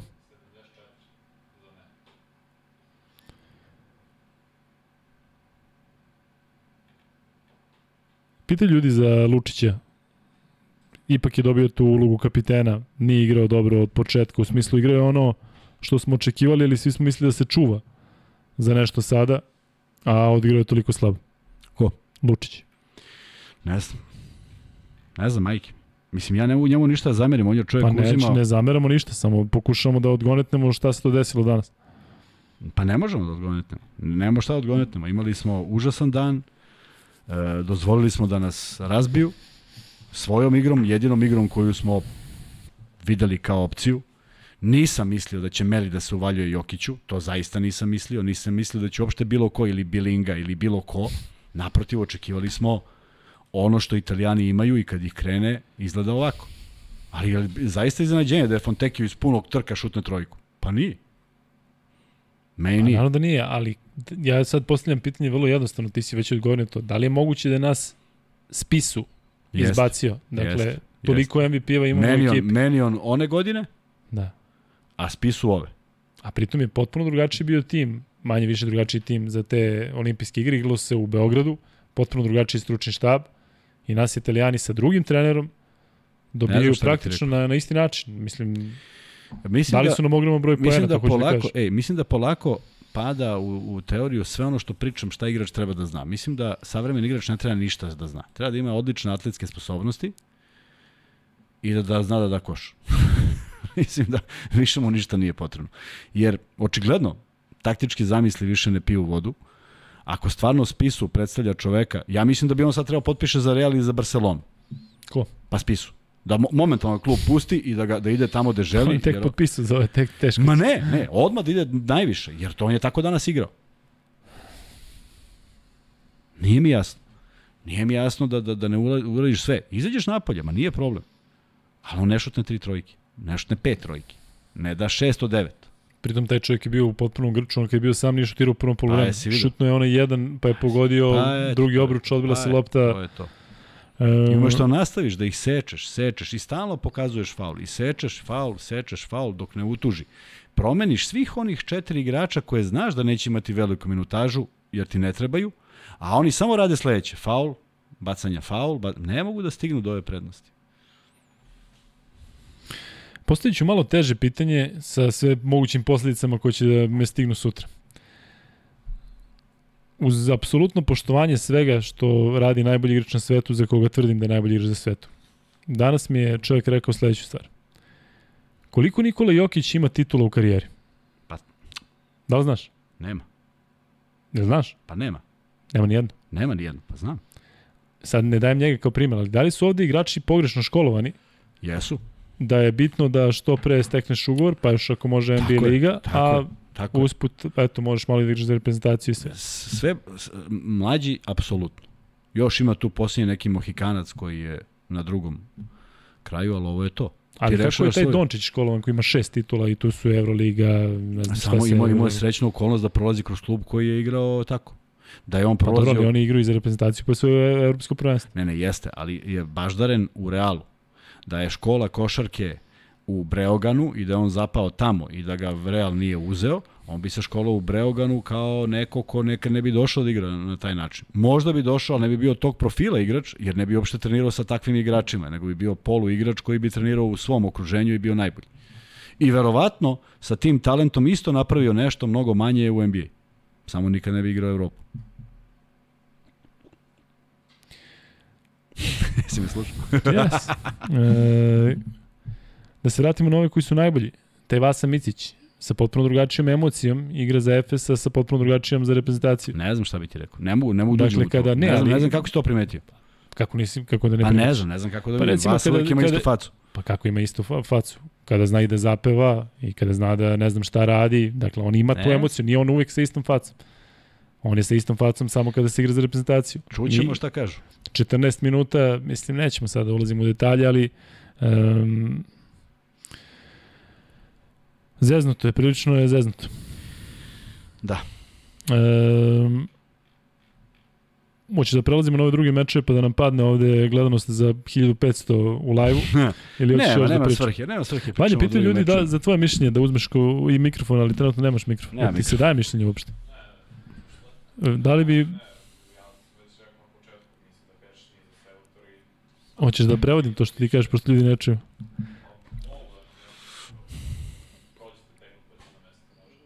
Pa ajde, nema šta, kažem ti, prikralili smo ovaj sa, sa ovim, ajde da, da, da kažeš šta imaš, mislim, nema šta. Znaš šta bih volao iskreno? Volao bih da mi neko pozovi da mi kaže nešto. To bih najviše volao. Na primjer, ko? Ma kogod, predsednik bilo čega, menadžer, igrač, i da mi kažeš sve. Prvo, hoću da vam kažem da je trebalo da bude Vladimir Štimac ovde gost. Ne znam da li da ispričam celu priču za Vladimira Štimca, bolje ne. Ali Štimac je, e, da, Štimac, e, čuli smo se juče, ja sam mu rekao šta i on kao svaki normalan momak kada je čuo u koliko sati, on rekao, a pritom je zaista bio u live, onda smo rekli, ajde čućemo se tokom dana pa da vidimo šta i kako šta i kako može. Međutim, onda su javili da je on već negde tu gde je gostovao, da je rekao da mu je prekasno ovo da, da gostuje i ovde kod nas i posle smo se čuli naknadno i rekao je da će probati da dođe neki od narednih dana, ali da je to sada već pod velikim znakom pitanja, sad šta da pričamo sa Štimcem u četvrtak o ovome, pitanje je da li ima smisla. Ali e, hteli smo da napravimo zaista jednu specijalnu emisiju, ubeđeni svi da će ekipa da prođe dalje, da bude tu štimac, da priča kako se to igra u završnici, tako sam ja zamislio. Nevjerojatno, ja sad uzimam, znaš, uzimam na sebe da sam ja prilično naivan i da ne poznajem situaciju. Lakše mi je tako da se izborim sa ovim. Dakle, ja sam zamislio dođe štimac i sad mi pričamo, aha, sad smo u četvrt finalu, kako se sada igra? Kako ste igrali u Granadi kad ste došli do četvrt finala pa ste onako išli uzlaznom putanjem? Pa kako ste igrali ovde? A pazite gde smo sad. Sad zovemo Štimca da u četvrtak priča Ne, kako nema, je Slovenija nema, nema, nema u polufinalu. Da. Ali, um, da, ja ovaj, kada sam vidio da je, da je otkazao, da je rekao da neće doći ovde zato što mu je kasno, pa u trenutku kada sam znao, bio sam prilično uzbuđen i rekao kad da li je moguće da neće doći, ali momak je prva liga i javio se i žao mi je što, što ne pričamo sada ovde sa nekim ko je, ko je sve to prošao. E, Vanja je uzao mikrofon i Vanja će e, iskreno reći, ja mislim da će Vanja ponoviti ono što je rekao već pre recimo dve te nelje. Da, Vanja, da li me čuvate sad? I mi te Ne, čujemo sa ne. sve ovim odzvanjanjem u ušima, ali čujemo te. 3013 ljudi u, u live-u, svi čekaju da Vanja kaže svoj da. Nema šta da dodam stvarno, ja sam to rekao na početku da meni Pešić nije za reprezentaciju više, imao je svoje vreme pre 20 godina, što je sasvim okej, okay. ispoštovao je to, osvojio je, mislim sve znamo šta je osvojio. Uh, samo me zanima kako je moguće da mi nemamo neke smislene akcije. Da mi igramo konstantno pick and roll, konstantno rogove, da je to neko... Zato što to, evo ja ću ti reći šta ja mislim da je to najjednostavniji način da koristiš e, genijalnost i kvalitet Micića i Jokića. Šta sad znači da, da svi izmenjuju po sedam kretnji i da onda opet spustiš na Jokića kada ti je prva opcija da Vasa eventualno prođe ili da, da njih dvojica ostanu... Znamo, statični smo onda. Pa jesmo, nije ništa sporno. to je, to je problem, ti nema nikakve kre- kreativnosti. Sad ne, nisam gledao na početku, ali koliko sam vidio, Marinković je super krenuo. Jeste, ali opet I, opet, I onda da... ga izvadi i kad ga je vratio. Da ne opravdavam to, ali on je zaista imao neki stomačni virus. Ako je odigrao 5 minuta Ok, protiv ako je to Poljske, do pitanje je da li njega, sad ima onda ne 25. mogu, da, da, onda ako je to do njega ličnog, da ima te probleme, ok, onda ne mogu da sporim odluku, zašto ga nije vratio. Izvini, ali to je sad ovo što Kuzma sve vreme priča. Izađi i reci. Tako Vanju nisam vratio zato što, zato što i mu je loša frizura bila ustoje ili me zajebao juče kada je ovo. Ili Tako kaže je. dečko stvarno nije u stanju, pričali smo pred početak meča. Daj nam samo da nešto znamo, da onda možemo da pričamo o tome, a ne sad mi ovde da nagađamo ko je imao virus, ko je imao šta, da li je ne znam neko nekome, da li se neko, znaš kako sada ispli, isplivavaju neke i za, baš zato što ne dobijemo informacije prave. Sada će da krene kao kada je kanalizacija kada se voda podigne pa se krene sve da Tako je. ispliva, sada će ljudi da krenu aha, e pa zašto je ovaj ono, a zvao te ovaj, a nisi zvao Teodosića, a onda se ispostavilo ovo, sada će da krenu ljudi da prave svoje svoje priče zato što nemamo priču konkretno. Tako ja i onda da se okrenem prema tome. I neko kaže, nisam hteo Vanju, Vanja nije dobar, nema problema. Sad se mi okrenuo prema tome. Ja kažem, Da. mislim da je dobar, ti kažeš, pa mislim da je, da je u pravu. Ovako, kažem ti, nagađamo ja i ti, ne znam Naravno, da li je do njega ili šta. Izvini, Ja. nastavi. Ma ne, i, i zato što ste rekli emocije, ja gledam, ja nisam slučajno rekao i pričao za Dončića, on gori na terenu. Kako god da i da su neke i grimase i ponašanje da mu je kriminalno, on kori na terenu, on hoće da umre na terenu zašto ne može da pobedi nekad. I šta to radi, povuče ostatak ekipe. Da igraju realno bolje nego što, što im je kvalitet. I taj i Dončić i Dragi za Sloveniju igraju po 39 minuta. Zašto jer su svesni da oni, za razliku od nas koji imamo malo bolji kvalitet, oni nemaju to. Oni moraju da igraju. I ne znam isto i Milutino da bio je loš, ali zašto se za njega ne napravi akcija se spusti dole pa igre leđima? Meli ga je čuvao, jel da? Da, ali on je ušao nesigurno u meč, video da ide nizbrdo i onda baš zato više onda ga da guraš malo. Da, po, što vidiš da Meli stalno izvlači za tri, nek, aj probaj, makar probaj da uđe u problem s faulovima. Da ne igra. Makar to. Isto, Grčka Janis, gledao sam. Markanen. Finci igraju prelepu košarku. Da, Markanen je uglavnom ide većina njega, ali on i oni imaju neke akcije, Markanen se isto, znači, daje sve od sebe. I Kako se ne, mislim, da, i video si, ali opet... e, Ne kažem, mislim, i Jokić je dao sve od sebe, pošto moram da uzem najboljih igrača u obzir, jer je to košar, košarka trenutno. Nije više e, najbolji stručnjak, nego najbolji igrač i oko njega šta je. Pre je bilo najbolji stručnjak kad smo imali, a sad više to nije. Ali opet kao da mi ne znamo da iskoristimo naše najbolje igrače. Pa kao ajmo najprostije akcije pa da oni izvuku šta mogu. To je to, i s tim im naj, najveći problem. A, Zato i mislim da je ideja dovođenja Kokoškova na duže staze mogla da bude pun pogodak. Bez obzira na taj poraz. Zato što bismo igrali nešto čemu bi on profilisao narednu generaciju. I pritom mislim da bi on bio podjednako veliki autoritet, da dođu svi iz NBA koji su mu interesantni, koje on želi i da zaista prilagodi igru tome i da to bude nešto, aj možda kažemo i potpuno novo, jer u tom trenutku ja mislim da on ima ako, smo, ako su ljudi pasljivo, pažljivo slušali Miloja i videli kako stvari funkcionišu, mnogo su otvoreniji u nekim novim zamislima nego Evropa. Opet se vraćam, da li se meni ta dva sporta treba da se izjednače, ne treba, ali bi možda doneli nešto novo e, što bi, što bi iskoristilo potencijal svih tih igrača. Ne da napravimo sistem da se oni prilagode sistemu, nego da mi napravimo sistem da se sistem prilagodi igračima. Ali imamo jednu bizarnost umeđu vremenu. Ne znam da li si video. Nis. Kaže ovako. Češka, Holandija. Pratiš me? Prat, prat. 88-80. Dobro. Češka, Finska. 88-98. Češka, Izrael. 88-77. Češka, Grčka. 88-94. znači, da neka ekipa od šest utakmica Čekaj, četiri puta da 88. a si ti video danas?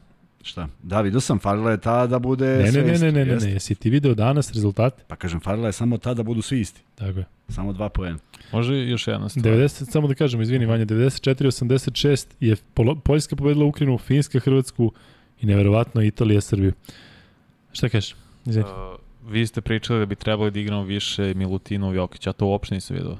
Da li je bila petorka, da su obojica na terenu? Nikad nisu bili. Nisu bili na jednoj utakmici i nema sada Zašto svrhe onda da budu. to ne iskoristimo ako su već odabrali da bude takav sastav, da već na, te kvalitete što ti Kuzma pričaš da se prilagodi njima i rekli ste I to je istina, može Jokić da igra četiri, pa što obojica nisu igrali? Ne, pazi, ja nisam siguran koliko bi to dalo rezultat, ali sam siguran da je trebalo probati. Da, trebamo probati. Dakle, ništa, više. ne znamo i dalje ne znamo. To, To, to, je samo da enigma. probaj, ako ne da, ne da, ovo ti nije dalo rezultat. A možda ono što je Jokić gure na četvorku svoje vremeno, pa su svi digli, digla se kuka i motika, pa je možda to ostavilo neki loš utisak, ali ne znam. E, kažu ljudi ovde, ajde free betovi. Ajde. E, free betovi, ko će da ih postavlja? Ja nemam snage da smislim ništa. Da, ajde, hoćemo prvi free bet. E, koji je rezultat bio danas na tri od četiri utakmice u osmini finala? Dakle, koji rezultat je bio na mečevima Poljska, Ukrajina, Finska, Hrvatska i Italija, Srbija. Ko prvi odgovira dobija free bet max beta. Vidim da imamo ovde mnogo novih ljudi, imamo 3000 ljudi u live-u. E, pa ćemo vidjeti ko je odgovorio. Vanja, molim ti, imam četiri pitanja na Instagramu i neće da primi donaciju da pročita. Šta? Viktor Gašparovski kaže, Vanja, molim te, imam četiri pitanja na Instagramu i neće da primi donaciju da pročita. Ko neće primi donaciju? Ne, Možda pročitam YouTube kako je neće da primi, ne znam. moguće. Uh, Uroš Perović je odgovorio prvi Čekaj, 94 čekaj, ima, ima Viktor 86. ovde, ima Viktor ovde, ali toliko stiže poruka samo da ga nađem. Uroš Perović, dakle 94-86, to je tačan rezultat i to je tačan odgovor. Viktore, ako nisi, odnosno ne Viktore, Uroše, ako nisi slao ranije, e, dakle na Instagram nalog Luka i Kuzma, pošalješ MaxBet ID. A koji mu je nalog na, na, na Instagramu? Ne znam, Kuzma, pitaj, Viktore, reci Viktore, koji je, koji je, koji ti je ovaj. Tom Brady kaže, italijani su nas dva puta dobili na istu foru, verovatno Jest, nisam olimpijskirao. jest. Small ball košarka, nismo imali i odgovora, potpuno veru u drugačije ekipe. Ovamo su nam dali 102 pojena, danas su nam dali 94 pojena. Jest. I samo to, samo da, da smo probali nešto drugačije. Da, da se to razbije nekako, jer mi očigledno nemamo ili ne, ne, ne mogu da verujem da mi nemamo talena da igramo to. To, to mi je nerealno skroz. Da, potpuno dva različita trenera, potpuno dva različita sistema, dva To mi je različita... nerealno. Ne umemo, i- ili to je, to je na selektoru, na pomoćnicima kome god, ne umemo da iskoristimo pu, uh, pun potencijal naših igrača. Anđela Spasović kaže, ni mi do života, kakav free bet crni. Anđela, Anđela, moramo da, da ispunimo. nađe ovog Viktora, ne znam gde je on. Viktor kaže sada da je nešto jedan prošao i da se ne bavimo, možda, ne znam. Luka, da li postoji mogućnost da Jokić ima ugovoru da ne može da igra preko neke određene montaže, u ovom slučaju ne preko 30 minuta od strane Denvera? Nema sigurno, zato što je odigrao jedan meč već preko 30 minuta. Nema, bre, kako to... ne, ne može, ne, to Ne, zato što ljudi sad, ljudi sad da pokušavaju, igraju. ljudi sad pokušavaju da pronađu da mu možda Denver nešto rekao. E, Ma da nema stojiš te, ne. Ali on je igrao, igrao je na jednom meču igrao preko 30 minuta Pa, na prvenstvu. ček, zašto on ima, a Pa ostali... dobro, znaš da je individualno, da, Pa, da, da je. Dallas rekao da je Cuban rekao, e, Dončić može ovo, može ono, mi ga puštamo, nema nikakvih problema, tako da moguće da timovi imaju individualno svoje, a, svoje stave prema svemu ovome, ali ja ne mogu da vam objasnim koliko sam tužan, najiskrenije tužan što ćemo jednog Janisa, onakvog kakav je fantastičan, gledati u, u četvrtfinalu, što ćemo Dončića gledati u četvrtfinalu, a nema Jokića da se njih trojica kidaju jedan sa drugim, da baš vidimo meso u meso, ovaj sa svojom reprezentacijom, ovaj sa svojom reprezentacijom i sve. Kuzma, kad si tu, ajde sada da se vratimo na ono što je... Kad si, dok si još pa tu. da, vidim da tražiš Viktora.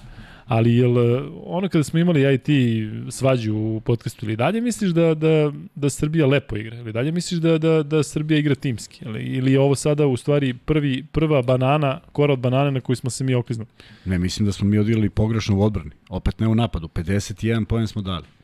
Sad ti ne moraš da igraš po svaku cenu da, da svako bude dvocifren kao do sada, kao što je bio slučaj. Ali imaš ozbiljnu dobru položaj da možeš da odaš nekome koji je u boljoj poziciji. Da li će Jokić dati 20 za polovreme?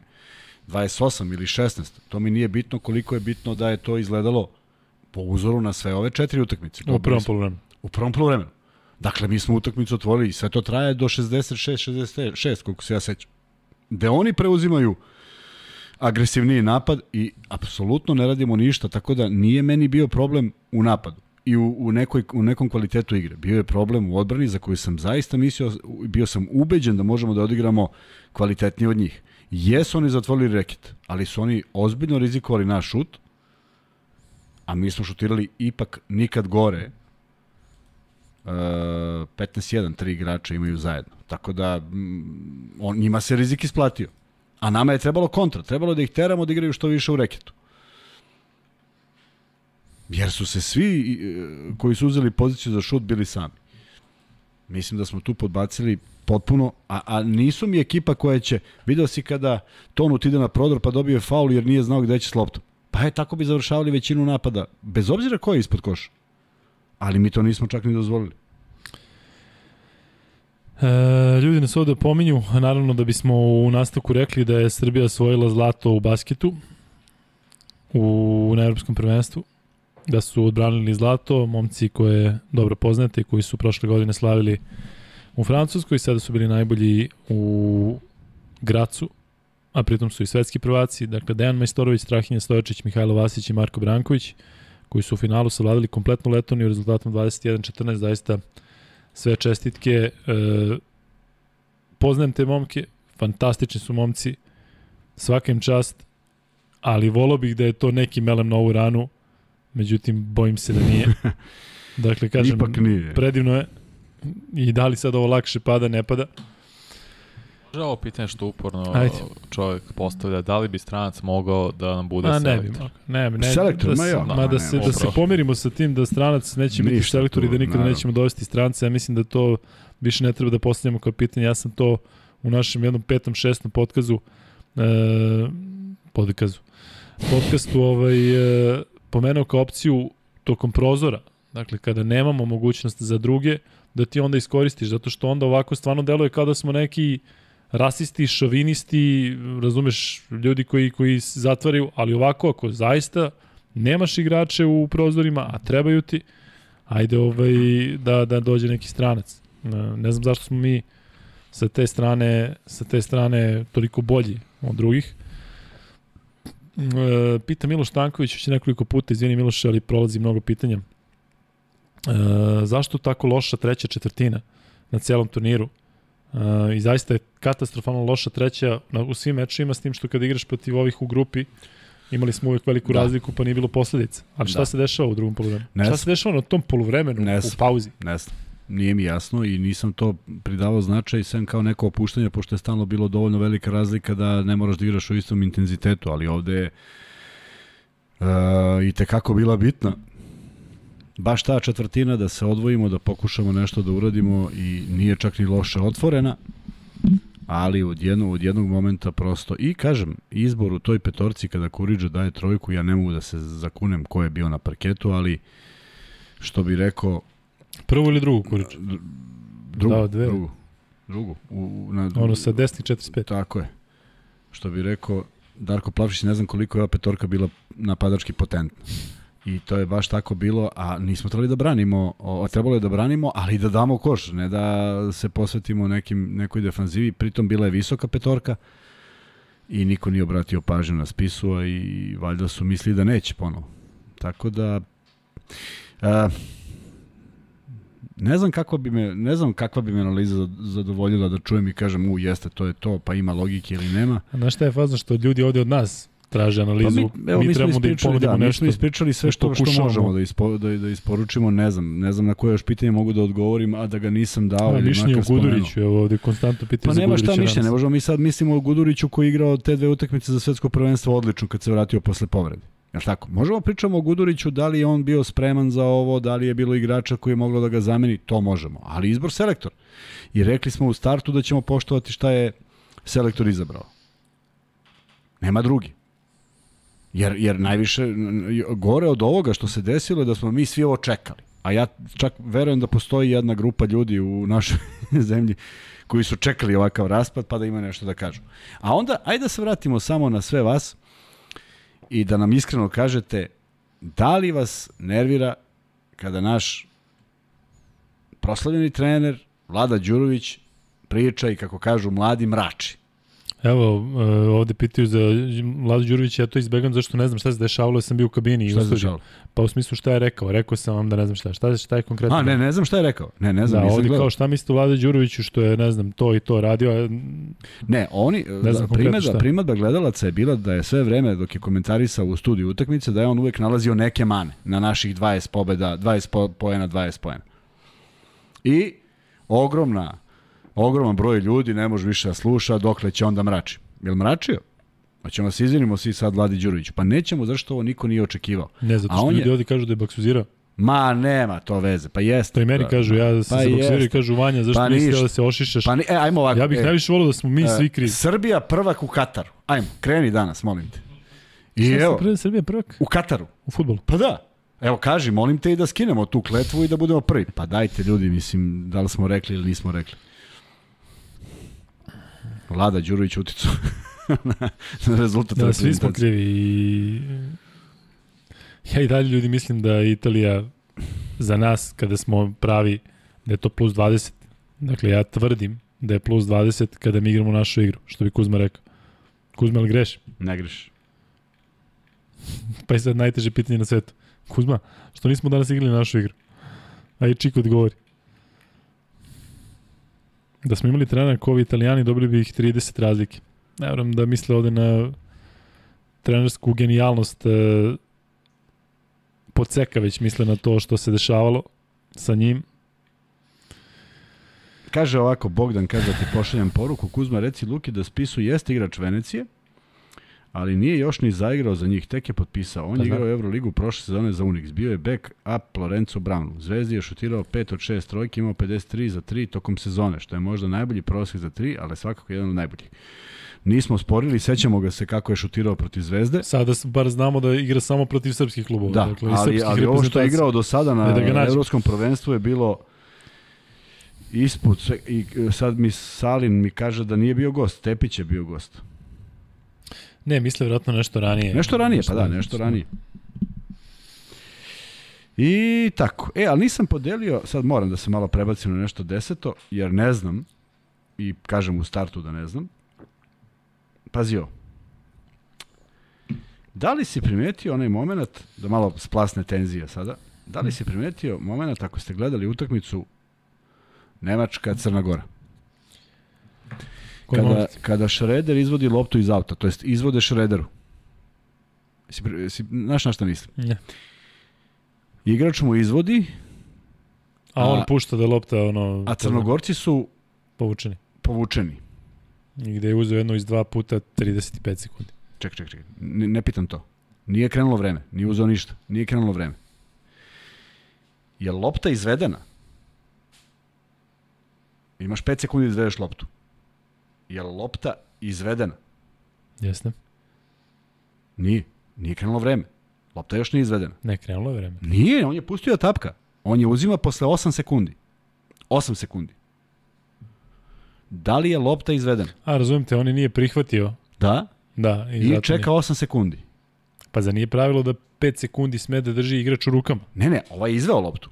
Dobro. I lopta skakuće. Je se računa da je izveo ili još nije krenulo vreme? Kada on ispusti, računa se da izveo. Ali nije krenulo vreme.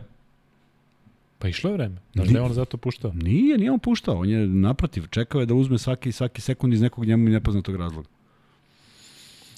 Jedno, jedno, iz jedne situacije mislim da je sigurno krenulo vreme, da sam taj meč prenosio i onda sam rekao, evo, Crnogorci su pustio ovde da izgubili skakuće? 15 sekundi. Što bi Ovaj, skakutalo. Nije ni važno. Nije, da. Ajde malo Mislim da, da- da da prokomentarišemo nije- te ostale mečeve, da pređemo na, na muku drugih. E, dakle... Da se e, raduje o malo muci drugi. Mm, Tako je. Poljska Ukrajina 94-86. Malo smo tu Ukrajinu uzdigli bez potrebe na onih 3-0 zato što su pobedili Veliku Britaniju koja je najslabija reprezentacija ikada. E, pobedili su Estoniju jedva i pobedili su Italiju 11 razlike, Ukrajina pobedi Italiju 11 razlike i onda su je. izgubili dve i danas protiv Poljske 94 pojena prime od onakve Poljske. Imaš bilo šta da kažeš za taj meč? Nemam. Nemam, nažalost, tako je otvoren tiket, pa sam se već iznervirao. Ali Poljaci su zašli na pobedili, ne znam, ne znam ni kojom su oni energijom igrali, niti je to izgledalo na Poljsku protiv Srbije, niti na Poljsku bilo kojoj utakmici, osim onoj koji su pobedili Čehi, onda smo to pridali tome da nije igrao Satoranski, sve ostalo nisu izgledali ništa impresivnije, oni su sad u četvrt finalu, Srbija nije, to je ta ironija svega ovoga, ali to je sport, nisam uživao u toj utakmici, ni u kakvim idejama i potezima, jednostavno a, nekada se desi da završi tako neka ekipa za koju nemam baš nikakav stav. Ja ne znam uopšte njihovu snagu jer, jer, jer ne znam kroz, kroz šta da je gledam. Kroz pobedu nad Česima ili kroz poraz nad, od nas. Znaš, prosto ne znam koliko je su to ekipe za velika dela, ali očigledno da su tu zasluženi. E, drugi meč. Finska, Hrvatska 94-86. Znaš šta se dešavalo? Radili smo Je li isto studio od pre. 94-86? Sve od 94-86.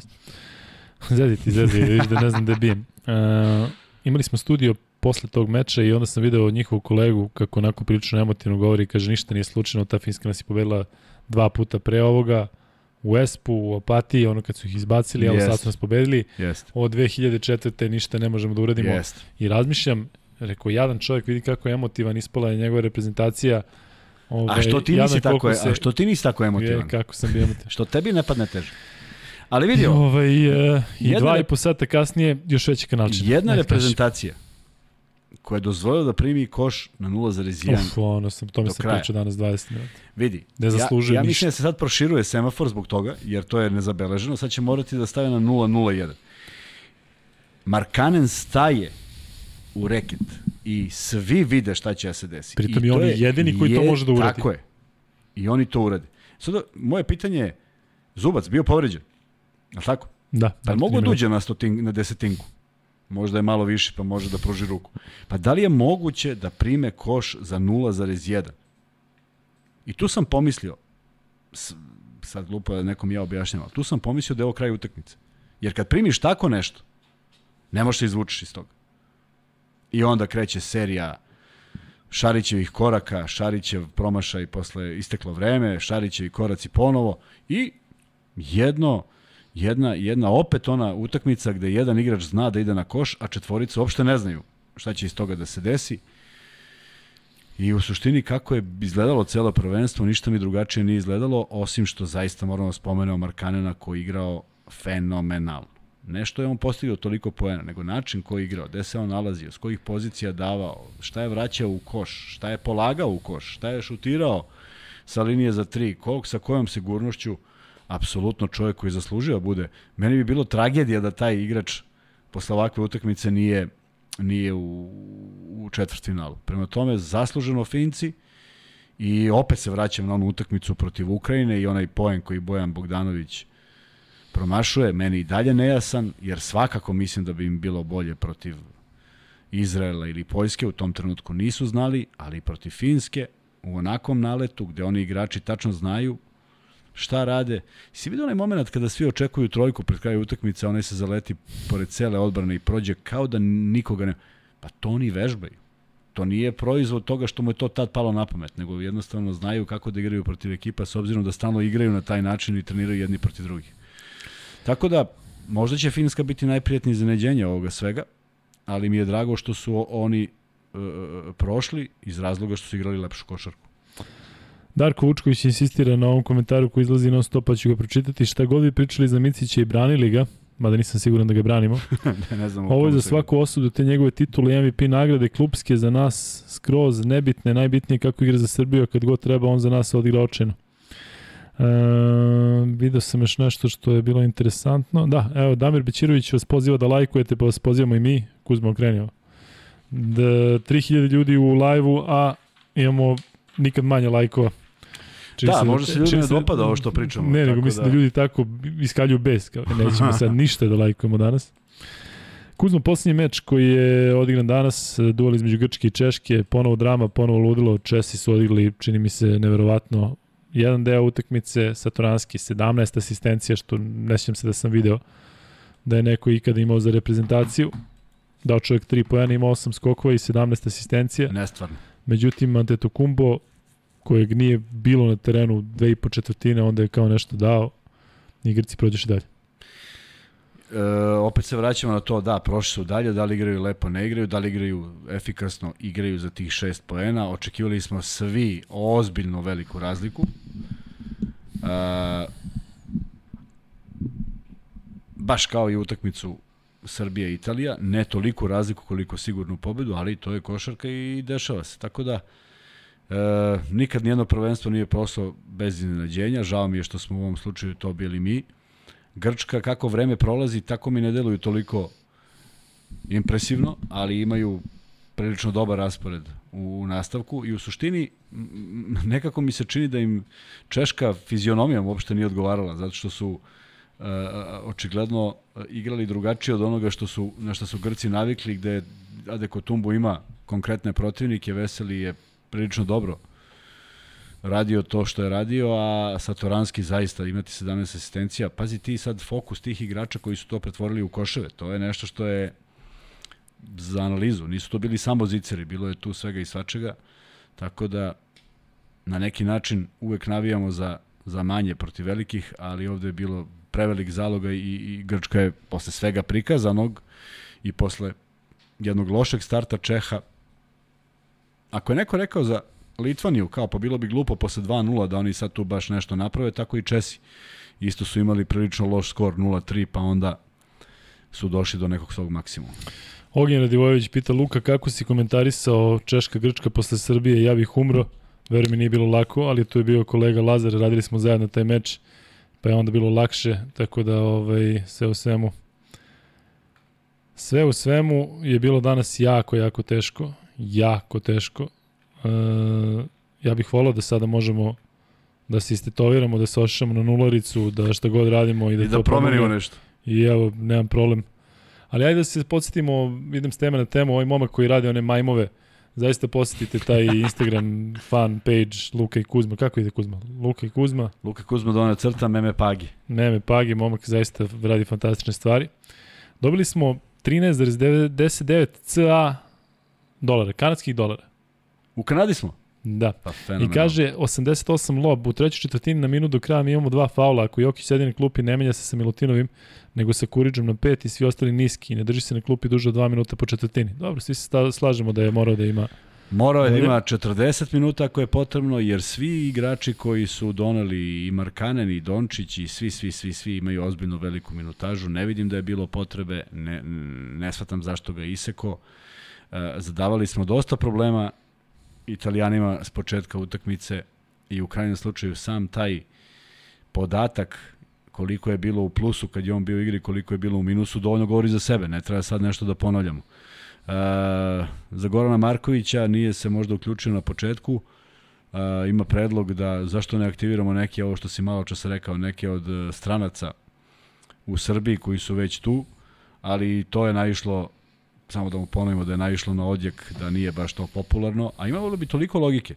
E, 3, 4, 5, 6 igrača godišnje dobiju pasoš srpski. Je tako, za kup. Pa onda lepo iskoristiš pa neki igraju svi tu prozorčići u februaru. Zamisli tako neko odigra loše. Pa našli bi ga i, i ko zna šta bi mu radio. Tako da sve svemu mislim da je loša ideja. Bolje za njih da ne igraju. Šta mislite koliko je bitno što nije bilo Bogdanovića, ali ne mislim samo zbog njegovih igračkih sposobnosti, nego zbog toga što je on pravi lider na terenu i vođa ekipe. E, Bogdan je trebalo da, da dođe u nekom trenutku ovog leta, međutim nije bio tu, pa smo nešto odlagali. E, one suze Bogdana Bogdanovića posle poraza od Argentine su meni važnije od njegovih, njegovih igara, zato što svi znamo kakav je šuter, svi znamo kakav je na terenu svi znamo šta je u mogućnosti da uradi u napadu, međutim, to je ono što je meni draže od same igre. Jer džaba, ako si ti najbolji na svetu, a, a nemaš to još dodatno nešto, i žao mi je što kod nas u reprezentaciji ima igrača koji, koji jako često igraju mnogo bolje za klubove nego za reprezentaciju, odgovornije, rekao bih. E, pita ovde jedan momak, Luka, šta misliš, ko bi trebalo da bude predsednik Saveza ko selektor? Vi mislite da se ja zezam, ali se ja zaista ne zezam. Ko je Ja mislim U da toj bi maskenoj trebalo, uniformi da se zezaš? mislim da bi Kuzma trebalo da bude predsednik Ali ne Saveza. mani me toga, bre. Ste, čekaj, bre. Ćeš me pustiti? gluposti. Hoćeš me pustiti? Hoću. Hvala. Hoću zašto si mi drag. I da dolazi ovde u Ali podcast, da nisi, da mi nisi drag. slušaj, da dolazi u podcast i da ga sve pitate. I da to bude tada transparentnost. A da Sale Đorđević bude selektor ili Dejan Milović. Uh, I da lepo vi onda dođete ovde, odnosno on dođe u svoj podcast i kaže, evo, izvolite. I onda se neko pita, Kuzma, a što ovaj dečko koji ima 16 godina, šta se s njim dešava? Zašto je rekao pa da šta? neće da dođe? Ne samo to. Svi, ne, ne, i onda svi imaju stav, ali svi imaju čistu sliku. Tako, a što, si me, što misliš da je to loša ideja? Zašto je neostvarivo? Kuzma, ko, ko je taj koji bira predsednika Saveza? Ne znam, zaista. Majke mi ne znam. Pa, A, da bilo ga, bilo ga delegati Skupštine. Koji skupština? Pa Saveza. A ko je u toj skupštini? Stvarno ne Ko, znam. koliko ima likova, koliko ima... Pa imaš sve one regione, pa svako ima određeni Aha. broj članova. Mnogo. A kako se dolazi do toga? Jel ti imaš više kandidata pa se sad bira između njih ili Ne znam, imaš ne znam samo neki prelog? Ne znam zaista. Da. A da li mislite da bi Teo razmeda ove igrače kad smo ispustili 14 razlike za jedan minut? Nick Stack pita, hvala za donaciju Niče. Pa da, ne- ima ta priča da je on udarao i neke ćuške na klupi. Ne mislim da bi trebalo ići toliko daleko, ali sećate se da je protiv Francuske, ako se ne varam, u Granadi rekao šta igramo koji k, daj da idemo kući kad je ovako i od tada je krenulo bolje. Dakle, žao mi što danas nije bilo igrača koji bi to trebalo da kaže. Mene, mene brine to što je kapitan Lučić potpuno onako jednosmerno odigrao sve, što nije bio tu da ako treba da izazove neku reakciju. E, Ne znam, nemam, nemam nikakvo objašnjenje. E, ljudi ovdje pričaju o ovoj mojoj tetovaži, ali ja mislim da sam rekao da tetovaža ide ako osvoje italijani evropsko prvenstvo, ali vi me demantujte ovde ako mislite da, da grešim. A vidi, ja mogu ja nešto da kažem po tom pitanju? Šta si ti pričao malo pre? Šta sam pričao? Za Teja, da. Za te. Ja. Da. Mogu ja nešto da kažem po tom pitanju? Ajde. U što sam ubeđen. Nemam pojma da bi bilo drugačije, ali znam jednu stvar. manja panika bi bila u igri da je bio Teo. Znači, ne bolja igra, ne preciznija, samo manja panika. Dupe i tapa, tapa, tapa i nešto I onda se to on uhvati ovde, a ti Jest, ovako I nešto se desi u faul. 23. sekundu i ti opet tapa, tapa, tapa i ovi ne mogu da rade ono što su radili. Jer svaki naš promašaj je bila njihova izuzetno brza tranzicija. A jako su brzi i trčali su u leđa našim igračima. I koliko god smo mi bili brzi, oni su bili brži.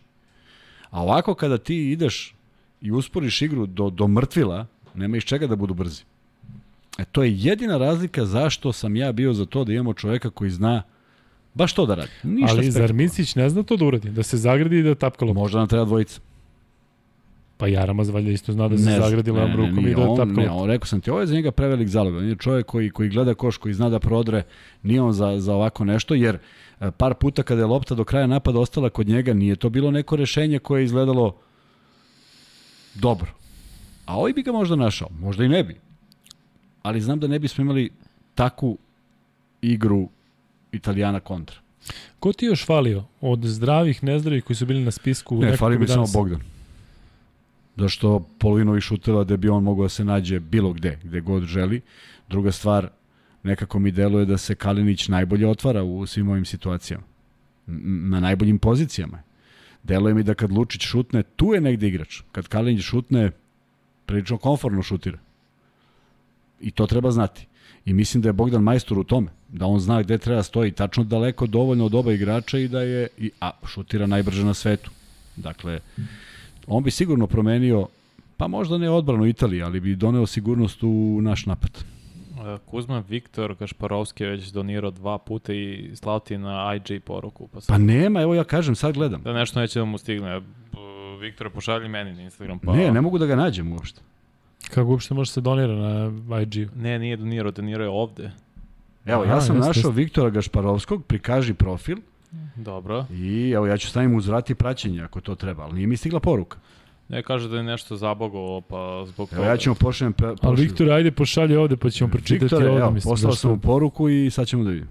Da li je Fale Andjušić prita Rajko Martinović? Ja mislim da jeste. Uh, Luka, šta misliš, da li je trebalo... Of, kako brzo ide. Da li je trebalo Kuriđa na Melija dok je Jokić ne klupi i falio neko da razmada ekipu, a na, ne sve face mrtve tokom cele tekme? Pa to sa Kuriđom je manje bitno. To su te neke sitne situacije. Kuriđa je neko ko je onako bio vojnik zadatka, ali ko je po kvalitetu i po godinama ograničen i što je Kuzma, pazite kad Kuzma kaže da nije Kuriđa trebalo da onu trojku, dakle jasno je šta je njegov zadatak, ne da daje trojke, i da diže ekipu na taj način. Ali mislim da je više ovo zabrinjavajuće to što kažeš da, da niko nije imao uh, neki poseban izraz lica. Pitaju ovde kako to da nas je pobedila vamo Argentina, vamo Italija, to su te onako paljevina reprezentacije koje igraju na oruk. Zašto mi to nemamo? Ima Grčka, ima Slovenija, eto Hrvatska primjer radi nema, dakle oni su isto onako jedna ravna linija i evo sad smo jedni drugi završili. E, Viktor je došao do nas. vreme. Viktor je došao do nas i Šta kažeš? ajde da, da pročitamo. Da li je Kuriđa trebalo da igra četvrtu četvrtinu? Ja iskreno mislim da nije, zato što nam je u četvrtoj smo bili u minusu 10. Svaliti e, priču na Marka koji je ostavio ono što ona floskola ostavio srce na parketu, a zaista tako izgleda i pogodio dve trojke i bio naj, najprecizniji iza linije za tri poena, mislim da nije trebalo preuzimati tu odgovornost i da smo, ako smo, ako bismo nešto dobili u odbrani, sigurno ne bismo dobili u napadu, jer ne može da igraš da se prebaci iz jednog moda u drugi, da bude neko ko šutne dve, tri kad je sam, pa da on sad preuzme odgovornost da šutira, pošto bi tek onda bilo zašto je on bio na terenu i tako dalje. Pa kaže, da li smo vežbali igru bez klašnicog centra od dve utakmice koje nismo upotrebili danas? Jesmo i nismo upotrebili danas. Kad se Milutino vratio, samo smo protiv Izraela igrali bez centra. Da li smo trebali da igramo sa Kuriđom na centru? Ne, zato što bismo bili de, niski, preniski i ne bismo bili dovoljno brzi. I da li je trebala bude niska petorka? Ja mislim da je trebala bude niska petorka, naročito kada smo shvatili posle određenog broja minuta da niko od njih više ne ulazi u reket. E, Meli je skidao lopte posle skoka, išao na prodor sa posta, ali nije dobio četiri lopte ispod koša da, da odigra. A za to imamo dovoljno dobre igrače, makar bili niži 5 cm. Tako da smo mi u stvari igrali samo jedan vid odbrane rotacijom a, Milutinova i Jokića, gde kad Milutinov ne može da stigne Melija, apsolutno ne mislim i ne očekujem da a, Milutinov može da bude toliko mobilan da, da to uradi. Da li smo pocenili Podseko u prethodnom podcastu način na koji je napadao Jokić je zaista fenomenal? Pa ja nisam video da je, da je to nešto sada, bog zna kako posebno, zato što je Jokić za 28 minuta imao 32 poena, 14 skokova, šutirao penala u jednom trenutku 14 od 14, oni su očigledno njega hteli da, da malo i provociraju, videli ste ono, ono koleno Ričija, videli ste ono skakanje na sudije, mislim da su dobro pripremili utakmicu u smislu onako služili su se nekim različitim stvarima, Da, ali legitimnim. Nije trebalo Prošlo mi njih uopšte da, da, da se bavimo njima. Nije uopšte trebalo dođe do toga da Pocekovo onaj teatralni izlazak ima neku težinu. Pa Dakle, napravio to je toga, on je napravio toga happening, šta? Jeste, ali to je njegovo. Dakle, meni je žao što mi već na sledećem napadu nismo nastavili isto. Dakle, šta god radili italijani, sad oni hajde idemo da pokažemo da je nepravda, to je njihovo. Jeste, Znači ti se ne priča da igramo svoju igru. Ajde da igramo mi svoju igru. Nismo da se- reagovali, nismo reagovali, promašili smo sve u tom periodu. I kako je prvi put otišlo, prvi, prvi put kad smo promašili, kad su otišli na 4 na 5, ne mogu setim koje je prvo to vojstvo, mi smo šutnuli trojku. Pa su oni dali koš, pa smo mi opet šutnuli trojku. A pričali smo, ne stiže, nema razloga da se stiže u tom periodu tada. Ma sigurno neki koš, ajmo nešto na ulaz. Međutim, izgubili smo i sav fokus i sigurnost, jer niko u tom trenutku nije pogađao. Da su tu dve trojke ušle, pa taj, taj onda se traži do kraja utakmice. E sad ima jedno pitanje, zašto je Marinković bio toliko napolju? Sad je to stvar procene trenera. Pričali smo malo pre, možda stvarno čovjek nije spreman. Ma možda, sve stoji, ali to je stvar procene trenera za koji treba kaže, ovo što si rekao, ne, nije zbog toga i toga, a ovo jeste zbog toga i toga. I to je to. Ali ja mislim da da igraju najsposobniji kada nekog ne ide, a ne kako se kako zove. Da, jesi video ovo što ljudi komentarišu ove Melijeve šuteve, jel ti deluje da je e, smisleno, ne smisleno, nego da je bilo dogovoreno da, da se Meli pušta da šutira, zato što Jokić uvek bio na, na pa, neprirodno e, velikom ostojanju. Ne znam. Da, to ne znam. Ja ga ne bih puštao.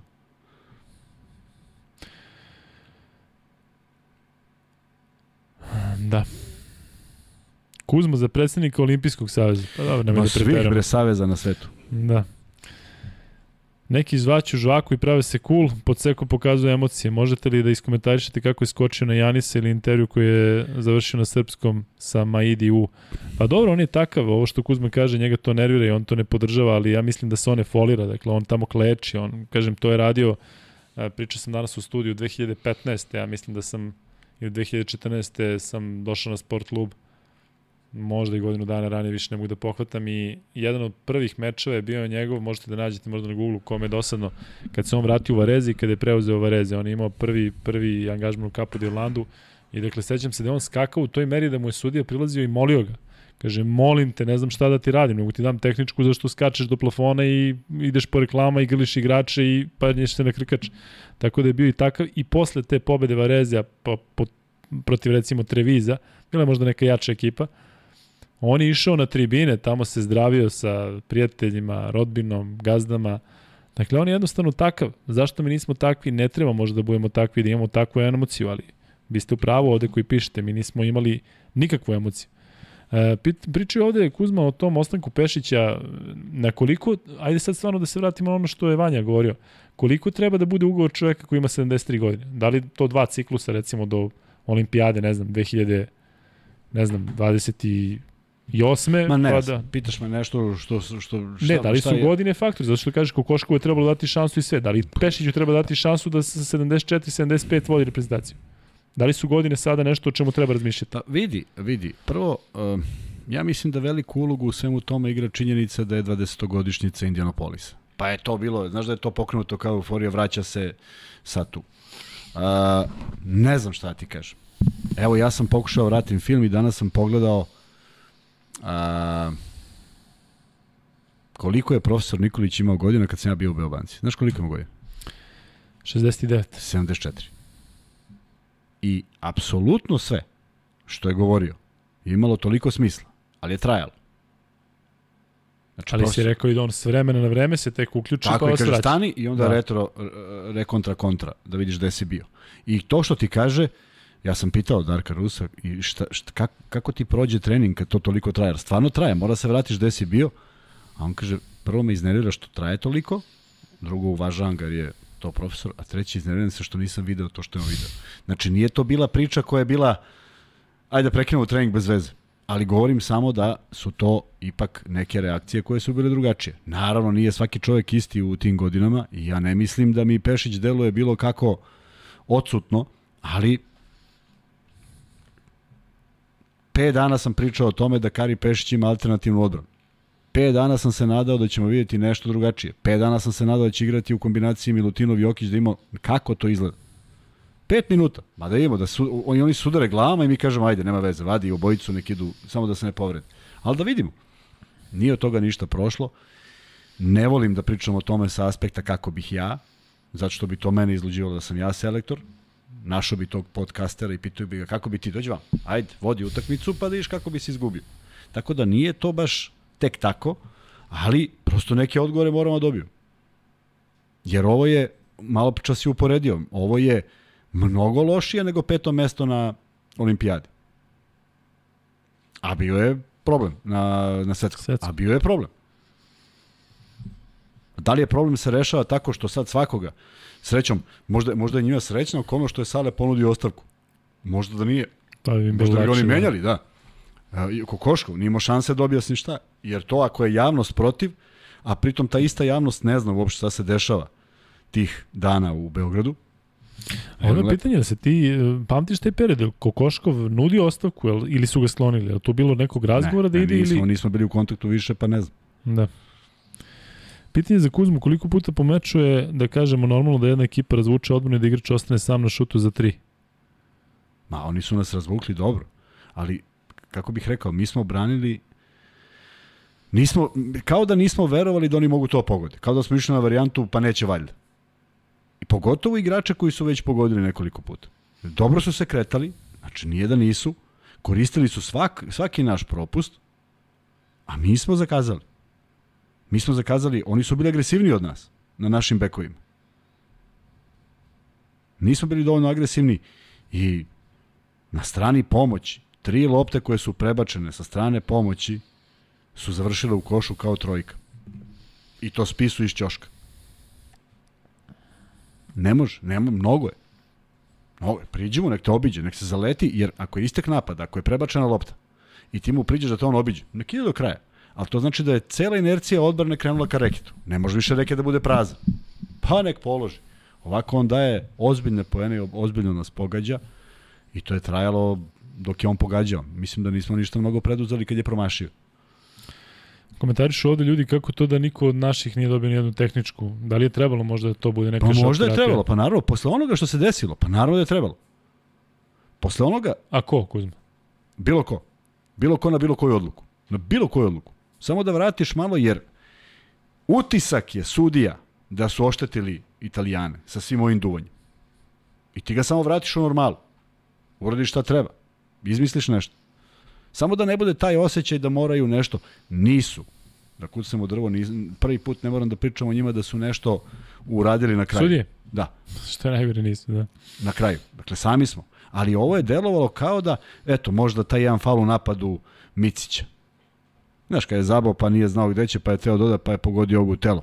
Bez veze. Ali hoću da kažem, trebalo je reagovati samo da bi malo trgli sudije da shvate da, da postoji i, i... Jer, vidi, e, svaki faul koji je bio, je bila reakcija. Kažem ti, to ostavi utisak sudijama da su oni neku, neki haos napravili i oštetili jednu ili drugu ekipu. I onda nešto samo ne sude. Ne moraju da sude. Čak i ako ne sude, pa te oštete. Ko je taj koji je trebalo da napravi razliku? Generalno u timu kada imaš kapitena, kada imaš trenera, kada imaš dvojicu lidera, je li trebalo možda neko sa strane? Ne. A Kad kažeš bilo ko, je li trebalo Ne. sad Marko Gu- Kuriđa da ide da ne, juri sudije? Ne, izabrao sam, ne, ne, ne, izabrao sam sedam igrača, sa sedam igram. Izlaze kad budu morali. I jedan od njih. Imamo kapitena, Lučić. Imamo glavnog igrača na prvenstvu, Jokić. Ne, samo kažeš, sad napravi nešto, nešto uradi. Neku reakciju. Mislim, ja, ja, ja, ja, ti, ja, ja, sad da pričamo da je, da je Srbija pobedila, ja ti garantujem da bi mi pričali pola večeri ča- čak i sa našim ljudima kako su nam sudije dos, poklonile nekoliko tehničkih grešaka. Nisu. Prosto imali su takav kriterijum i surinuli su sve na prvu. Sve reakcije, sve se. Ali deluje kao da su duvali za nas. Vidim da ovde pominjete i da neko piše, a znate da se ne bavimo tim uh, tračevima, još je Pešić tu i možda će ostati. Vi ste izneli svoje mišljenje, ali pišete da bi Saša Bradović možda mogao da preuzme reprezentaciju. On je vezan za ugovor sa Monakom i ja zaista želim da na čelu reprezentacije bude neko ko, ko ima taj, ajde da kažem, onako odnos da nema zezanja sa njim i koji je u stanju da kaže svakom igraču sve što misli. Ali je zaista suludo pričati sada o tom. Um, šta ćemo sutra Kuzma kada prespavamo? Šta nam raditi? Ne, ne, nazbiljnije, sutra nam dolazi gosti, tako? Prvo ćemo da se probudimo da se pitamo da li je ovo bilo stvarno ili smo sanjali. Misliš da ćemo spavati, ja? Pa nažalost moramo, imamo toliko, ja imam toliko obaveza ujutru da, da ću morati, hteo ne hteo. A, da, nadam se da nije došlo do promene, pa ćemo najaviti ako želiš. Hajde da najavim. Da će sutra u 9 časova, tako? U 9. Od 9 časova biti s nama Mića Berić da ponovo porazgovaramo, nadali smo se o, o uspehu, ovako ćemo porazgovarati o svemu što smo videli makar za ovaj vikend, da vidimo šta on misli o tome. Dopao mi se Mića Berić prvi put i on je prvi gost koji će dva puta biti, odnosno da. drugi put doći u podcast sa I na predlog da dođe momentalno je prihvatio, tako da verujem da se on osjeća dobro. A i... Ne, pa bilo mu je super ovde prošli da, put, pa, znaš naravno, a i, verujem, a i mnogim ljudima koji su prokomentarisali i gledali taj, uh, ta, tu epizodu je bilo izuzetno zabavno. Um, imamo da podelimo još dva free beta, tako? Jedan smo free bet dali. Tako još dva, da, nemamo za sutra. Da, nemamo. sutra nećemo se kladiti ono za humanitarne svrhe zato što ne možemo da sada pričamo, nema ni kvota, nema ničega, to ćemo da radimo sutra za preko sutra. Uh, dakle, drugi free bet, Kuzmo, ćeš ti? Ne mogu. Nisi free bet rekao od onda kada si se uredio. Evo, može za neko ko je pobedio danas na prvenstvu. Uh, ajde. E, kada je Poljska poslednji put igrala četvrtfinala na Evropskom? Uje. To na kad je onaj Belgijanac bio najbolji strelac. nije, nije, nije tako. dakle, čuli ste Vanjino pitanje, nadam se. E, kada je poslednji put Poljska igrala četvrt finale na evropskom prvenstvu? To je pitanje za drugi free bet, tako da radit će Google. Ako neko ovo odgovori iz glave, dakle, Svaka dolazi čast. ovde da sedi sa nama, ali Googlovica će da radi. E, Ako kaže majke mi iz glave i to prihvatam. Ivica Milošević kaže nikad. Kaže, Odgovor se prihvata. Zovite Vladu Đurovića da ga Kuzma izrešeta pitanjem. Ne, bi ja Vladu rešetu. Što Vladu rešetam 2007. Milan Zečević, 1997. 1997. Ali vidi, ja, meni Vlada Đurović priča šta misli, ja uopšte nemam problem s tim. Izvini, Milane Zečeviću, uh, pošalješ Max Bet ID na Instagram Luka i Kuzma. Šta kažeš Kuzma za Ja nemam taj problem šta Vlada Đurović priča uopšte. Ma, ovde više vidiš da, da, da se zezi uopšte. Ne. A ne, dobro, ja samo kažem. Možda, da. možda izrašetaju zbog majice koje nosi. Zovi, piti ga sada. Reci, Vlade, šta misliš ne, da... svi se javite Vladi sada da mu kažete šta je. Um, parovi četvrt finala su sledeći. Što ne mogu da verujem da ovo izgovaram bez naše reprezentacije. Dakle, prosto mi je suludo. Španija, Finska, Nemačka, Grčka, to su mečevi koji se igraju u utorak. U sredu Francuska, Italija i Slovenija, Poljska. Slovenija, Poljska. je, ti život. I na kraju ćemo ovde verovatno svi da navijamo za Luku Dončića, pošto nemamo za koga drugog da navijamo, a oni su nam braća, Luka Dončić je naš, ili tako, tata, ovo ono. Prosto neverovatno, zaista. Prosto neverovatno. Italijane. Spisu. Spisu koji je kod Saketije, kad, su, kad ih je Estonija pobeđivala pre tri godine, znači šutirao, da sad ću da nađem tu utakmicu, da, da, da, mislim da sam je prenosio, sam ostao zaponjen kako šutira. Da ti iznadio Polonara, Kuzma? Ne. Ništa, a? Ništa. Očekivao si to? Ma nisam očekivao ništa, od njega baš ništa. Ali pa onda ti iznenadio? Pa mislim nije me iznenadio, znaš, otvori utakmicu dobro i i ide sve to kako treba i pogodi nešto i onda na krilima onih silnih trojki i on pogodi sa 8 metara. Ne neko koga bi se uzdao, ali ja sam se uzdao u naše koji su šutirali fenomenalno u pet utakmica, čast nekim, ne mogu kažem čast izuzetcima, nego bilo je par izuzetaka, ali generalno smo bili izuzetno zadovoljni šutom od samo pre dva dana, ne od pre 25 dana, nego od pre dva. Danas ništa od toga, iz prilično dobrih pozicija. Šta se radi? E, Vanja, ajde stavimo jedan pool da malo pred kraj ovde još razbudemo ovo. E, stavi e, ko je Gledaš najveći... neko, ima, jel ima ljudi uopšte? Ima, sad ću ti reći koliko, 247. Je ostalo? Da. Pa dobro. E, da, da. E, Vanček stavi, e, koliko si rekao da možeš maksimalno da staviš? Da.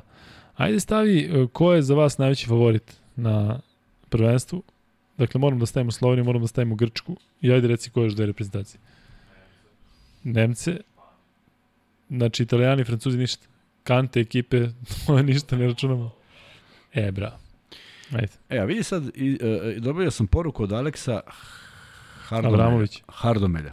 Šta kažeš? Pozdrav Kuzma, gledam ulazat sad live pa da dam samo komentar na konto energije i želje. Bio sam na utakmici danas u Berlinu. Italijani su se sve vreme bodrili, grlili. Poceko je pravio šol i odradio to majestralno pozitivno za ekipu. Mi smo sve vreme bili bez energije. Čak i na 38-24. Nikakve reakcije na klupi niti na parketu. Trudili smo se na tribinama da podrškom da ih dignemo, ali se sve vreme u vazduhu osetilo da gubimo. Odjednom kada smo i sami ostali bez volje, kada smo videli njih na terenu kako nema, kao da nemaju dovoljno želje. Mene je nekako to najviše zabolilo. Osjećam se kao da sam ja lično igrao utakmicu i izgubio. Jedini igrač od kojeg sam video da mu je iskreno zaista stalo je Jokić koji je u jednom trenutku brisao suze. Eto ti ga utisak čoveka sa... Evo ga opet neko pre, koji je pre Zečevića. Da, evo ovde sad zeznuli ste me nešto. Da, Vanja to tamo rešava. Piti ovde Luka, šta misliš, da li bi danas Teodosić donao razliku? Pa naravno da bi, ali slažem se sa Kuzmom da bi on lepo gradio loptu i da bi našao neko rešenje, da bi umrtvio malo sve ono što se dešavalo u trećoj četvrtini. Ali mislim, vi mislite da se šalim, a skoro da bukvalno razmišljam, mislim da bi udario spisu u šamar. I to tako da niko ne vidi, a da ovaj crveni Ma sa da vidi, masnicom... i da vidi, i, na, i ovo da, nesportska i sve. on izađeš, zna da, da, da, da izlupa šamare, a da, da se to ovaj, poslao bi neku poruku. Sigurno bi poslao neku poruku. Da li bi znači se zaletao na studije, da li bi nekome uleteo klizeći, da li bi on iznudio faul, ali nečega Nešto bi bi bilo. se desilo. Tako da, i sećam se dok još igrao u FNP-u, mislim da je dao tada neku trojku zvezdi ili tako nekome. Ili, ajde baš me podsjetite vi koji se sećate, pa je onda pokazivao one stvari da ima.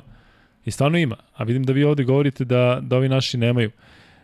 Ja se plašim da mi ni ne znamo da li oni imaju, zato što kao da ih, kao da ih mnogo ne interesuje. To je ono što mi je najgore. Meni je žao i što Kalinić nije pokazao uh, ono što je pokazao kad igra u Zvezdi. Dakle, danas uh, su italijani skakali na minus 11, ti si Kuzma video. Dakle, Da, na minus 11, da, minus da, 14, da, da, seku da. se zaleće, svi se zaleću. Da, da. Uh, a Kalinić, recimo, ono što je odgovorio malom Trifunoviću, što nije danas, recimo, odgovorio njima. Dakle, onako kada se oni bacakaju pa dobio tehničku, pa nam se, videli ste da je Riči uletao u Jokića. Bilo je tu situacija gde su mogli naši da italijanima kažu nešto, mi sve nešto, mi ne kažem da ne treba, ali mi njih podižemo nešto sa zemlje, pa se nešto Da, bodrimo, pa ne znam šta. Daj Jasno. drugarski odnos i to je okej okay između njega i da tome. Njih dvojica su igrali pet godina zajedno u Fenerbahčevu. Ali daj nešto. Dakle, ako Riči igra onako bezobrazno, daj sačekaj ga dole jednom. Ne znam šta bih ti rekao, ali to je, to je nešto što nećemo saznati ili ćemo saznati kasno. Sve je kasno sada, uopšte nije važno. Ali negde, negde mislim da je moment da se nešto da neko pokuša nešto da promeni. Jer mora da se čuje nešto što ne valja. A mislim da ima mnogo toga. Mislim da kad pitaš ove male koji rade i male klubove i koji se batrgaju i koji stalno plaćaju neke kotizacije i koji su stalno u nekom minusu i od kojih Savez u suštini živi od svih tih kotizacija i sve to, da se čuje neki glas. A znaš šta bi ti Kuzma predložio? Evo, ti ćeš sad vjerojatno da mi kaže da sam mentolac. Ne, nikad ja to ne bih rekao. Samo, će, samo, samo bi pomislio. da. Ali ajde promeni, da, da probamo ja i ti da promenim. Šta? Sve. Ma ne, ma ne. Pa evo, ne, kažem ti, ajde da daj telefon, ja ću da okrenem čoveka i da pitam, ne, nazbiljnije, ajde da nađemo telefon, ja ću da okrenem, možda mi se ne javi, ako treba okrenut ću live-u. Samo da pitam, ajde da, da probamo da dovedemo u podcast. Jel, je, sećaš ti moje priče o... Kako si mi iskulirao, priznaj. A iskolirao sam te da bi te pitao. Sećaš ti moje priče o košarkaškim neradnicima i nekošarkaškim radnicima? E, Dobro. Tu ima mnogo tih stvari i to je jedan jako teško promenjiv sistem. Čak i na mikrosvet, na mikroplanu ga je teško promeniti, zato što se bojim da mnogo malo ljudi, iako bi trebali svi da zavise od ovog što uradimo na nacionalnom nivou, mnogo zaista i, i misli o tome i želi uspeh. Ja mislim da više, ne žele, više žele da se ništa ne promeni. Da sistem ostane takav, da ih niko ne dira, da su oni tu 4, 8, 12 godina. Šta se dešava umeđu vremenu, a nije ni mnogo bitno. Svi se znaju, svi se dobro druže, svi se podržavaju. I to je to. I to tako funkcioniše. Sve je okej, ali e, ti si Vladimir Kuzmanović. Uo, Ti si neko ko je... uniformi, rešen, Ne, da ali sad, izgura do kraja. sad se ne znam. Znači, ja ću čak i sebi ja da znam. Znači, pazi, ja sam komentator na sport klubu, sport klub ima posebnu težinu. Dakle, nismo i ti klinci koji su se sad našli youtuberi, pa smo kao seli da pričamo ne znam šta, pa sad mi pametujemo. Ali ti si bio to što si bio i radio si u Savezu. Dakle, mi ako nekoga pozovemo, trebalo bi da nam da neki znak, da kaže momci neću ili hoću. Jel bi ti recimo smeo da ovde sedne preko puta nas neko od ovih koje pominjemo? Pa da ga mi rešetamo pitanja, pa, Pa- onako, pa nek nam kaže, bešte bre vas dvojica u tri lepe. Čekaj, su bili, je bilo negde to? Ko je? Pa ne, neko da je bio iz Saveze da su ga rešetali. Pa možda ga nisu zvali. U, stvarno to misliš? Možda nisu smeli. Pa dobro. Ali možda Pa, ne bi ni jel došlo. mi smemo? Pa nije važno. Kako bi ti rekao? Ostaviti E, mene samo, daj samo telefon. Da, ne, kako bi ti rekao. Dakle, ovo, se, ovo mora se promeni ne zato što neko tu treba pokrene nešto, nego jednostavno da se suočimo sa rezultatima ili nerezultatima. Da se suočimo sa nečim kada dozvoliš da na U16 imaš izbor da li će igrati re- reprezentaciju. Stvaraš loše ljude. Nema veze bre kakav je on igrač. Stvaraš čoveka na, u kojeg ne možeš se pouzdaš za nešto. On, on neće biti to što ti, što ti treba. Ni u timu. Koju poruku šalješ? Kako, kako, kako rehabilituješ to dete i kažeš mu, ma nema veze, pusti budale, šta ima da ideš ti tamo se akaš i onako ćete biti sedmi. Ostani da treniraš pa ćemo mi na U18. I onda se pojavi na U18. A mi umesto kažemo ko si ti, mi kao pa ajde, kao došao. I ka, kakav se pojavio na 18? Ne, isto nikakav. Isto ne zavisi ništa od njega, ali sad mu je bitno da potpiše ugovor, jer je mnogo sada lepša promocija na U18. I to tako pustiš i stvaraš igrače koji nemaju taj osjećaj. Ima taj mali Miloš Glišić, sad je potpisao negde, ne znam, ne usetim gde. Da, sad će ga odcrniš. Ne, ne, u ABA ligi. Ma kakvi bre, divno dete bre. Čovjek bre dolazio na sve prozivke moguće. Došao povređen. I mi se upoznali u toj vrnjačkoj banji, on kaže, meni, kaže, nije jasno. Pozovu te među 16 najboljih i ti ne dođeš, kaže. Nemaš želju da budeš sa 16 najboljih, da vidiš gde si ti tu. Čovjek se odazivao stalno. I drago mi, negde je sad potpisao ugovor, vidio sam da je, ja mislim, u Jadranskoj ligi, ali ne mogu setim gde, izlapeo sam. Svakom slučaju, pozdrav za Glišu. E, da, ajde da ispucamo treći free bet. Pa da bežimo. Mm, Da, pa da lagano privodimo kraju. Da se- Pa Vanja može da Idemo, ovaj pool. idemo, idemo u šumu. Da. Posle idemo u šumu. da, mogli bi da trajamo, trajamo dok ne padne ispod 2000 pratilaca, pošto je ovo naravno očekivan apsolutni rekord. Pa neće, sad, sad neće namerno nas pustiti. Na, hoće, morali da spavaju. Ma jes, moraju.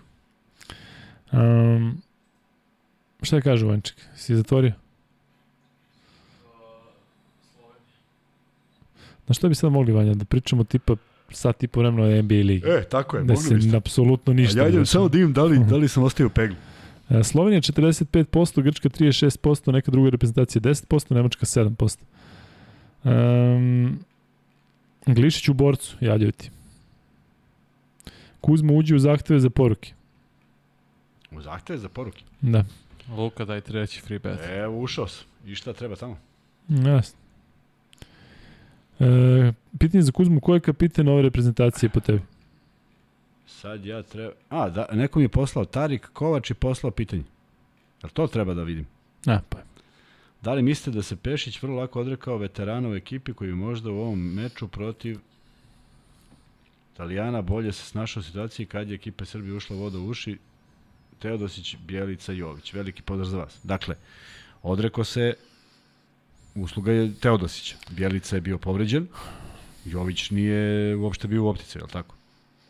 Ne, dogovorili su se da propusti ovo, da, da. zato što Tako da nije se, kako je. nije se baš nešto ovaj, nešto mnogo odricao, osim što smo svi znali šta se desilo kada je bilo sa sa Teodosićem i to je to. To je jedini igrač koji je u suštini uz. Ne, i Andjušić nije bio na spisku, je li tako? Nije, nije bio Pa uopšte na spisku. Da, da, on nije bio na spisku. Tako Da, on se, mi je neko bio baš, mislim, tako sad je da lako se pričati. njega nije... Od... Ali Bogdanović, kad smo Borac znali da neće da igra- je potpisao za Bora Priča Čačak. Kuzma svoje, ja svoje. Samo da ti kažem. Ajde. E, pa to sam rekao. Šta si rekao da je potpisao za Za Čačak? Bora Čačak. Nisi čuo kad sam malo pre devet puta rekao da je potpisao za Borac, nisi?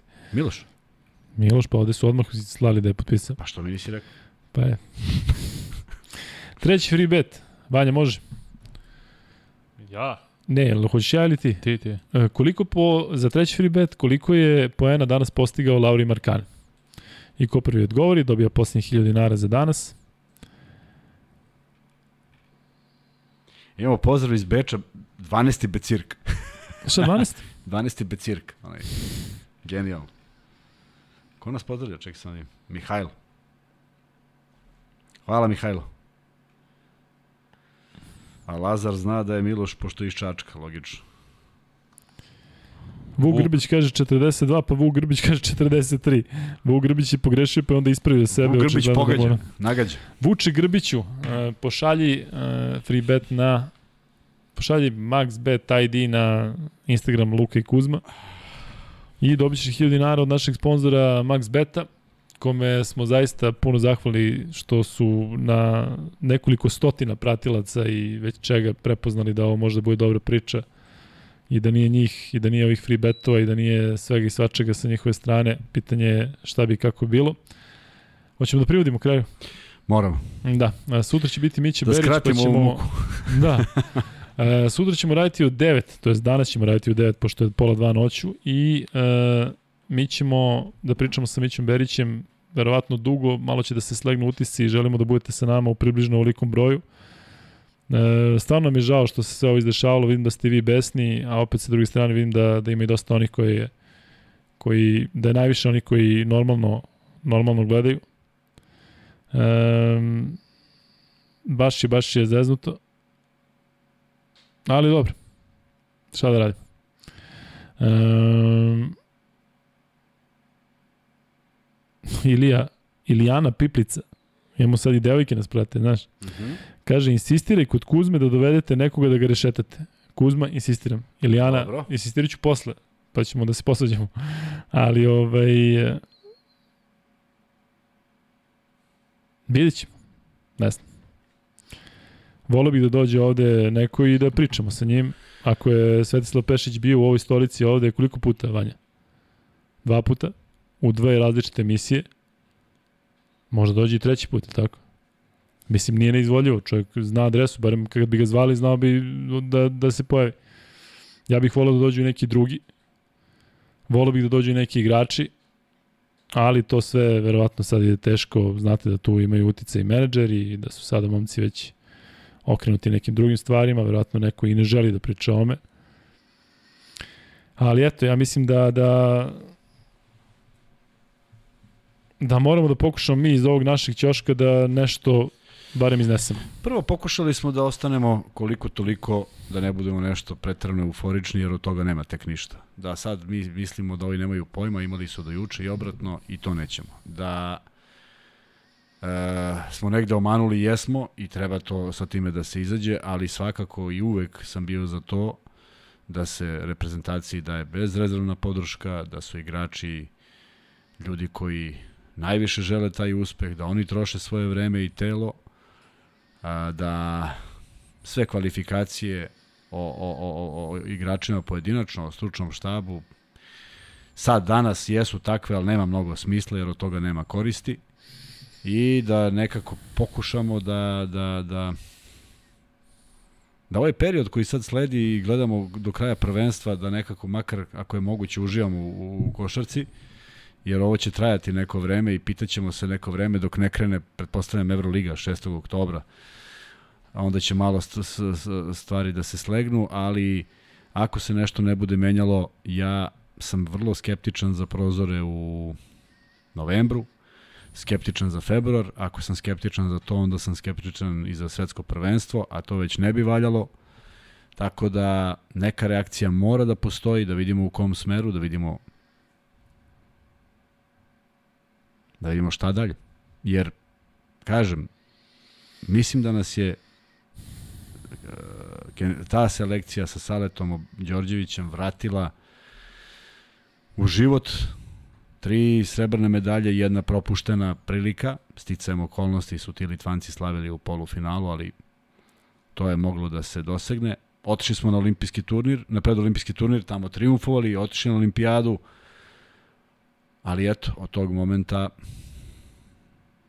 od te 2019. i svetskog prvenstva, ovo je bio, trebalo da bude pun pogodak, pa da onda neke stvari pokušamo da, da, da, da opet usmerimo. Ne bismo mnogo toga rešili, znaš. Ostali bi isti ovi problemi o kojima pričam. Isto bi to funkcionisalo. I možda bi negde bio privid. Ali možda bi se ta kritična masa oko Saveza okupila tako da, da daju tu energiju igračima, pa da igrači budu makar ono najbolje ako već neke druge stvari ne funkcionišu. Ali ja mislim da za jedan sistem koji želi da radi dobro, to je sklapanje nekih kockica, pa ako negde škripi i ako negde škripi previše, a tek ako je sve urušeno, onda ne može baš ni tamo gore da cveta, to je otprilike tako. 2200 ljudi još ostalo u live-u, ali mi zaista moramo da privodimo kraju. Evo, dva i po sata se družimo i družit ćemo se i sutra, pa ćemo gledati ovo da nadoknadimo. Molim vas nas razumite, zato što i mi smo prilično istrošeni, istrpljeni, sve ovo je uticalo uticalo na nas, tako da, dobro, idemo dalje. Bojim se da ako se ne desi nešto u 3-4 dana, da ćemo se onda okrenuti mm, onome što dolazi, a to je Partizan i Zvezda u Euroligi nadam se da će to biti neki melom na ranu i da ćemo tu imati bolje rezultate, ali dobro. E, Kuzma, imaš nešto za kraj? Hm? Imaš za kraj nešto? Ne, Nemam ništa to. za kraj, uh, osim da hvala svima što su bili u ovom broju, hvala svima što su se uključili. Hvala velikom broju ljudi koji su preko Instagrama i različitih društvenih mreža pisali. Sve su to izuzetno dobri rezoni, mnogo pomirljiviji nego što sam čak i negde očekivao. A, kritike su dobronamerne i to je ono što jedino može da, da, da pomogne bilo kome u situaciji u kojoj se nalazimo, tako da ako smo vas i mi nečim a, ne slažete se s onim što mislimo, ne zamerite, prosto to je naš stav i mislim da smo istrajali u svim tim nekim idejama koje vi pratite, tako da ajmo da razgovaramo i kad se ne slažemo, jer to je možda i najmanji problem. Samo da ne bude da, da neko mora da bude u pravu. Vanja, imaš nešto za kraj? Uh, kažete Miljan Brkočević, Kuzmice, preživjeli smo Veše Ronu, preživjet ćemo i ovo. Upravo je. Da, ali Upravo da li ćemo je. pričati onda o ovome za 24 godine? Pa ti sećaš našeg sastanka kako je to izgledalo kad kažu dobro, završili smo sastanak, a kako smo izgubili od Meša iz Verone? Da, sećam se. Dobro, to je to. Dakle, 68. izdanje podcasta sa Lukom i Kuzom je gotovo. Radit ćemo, bez obzira na ovaj pore Srbije, do kraja nedelje.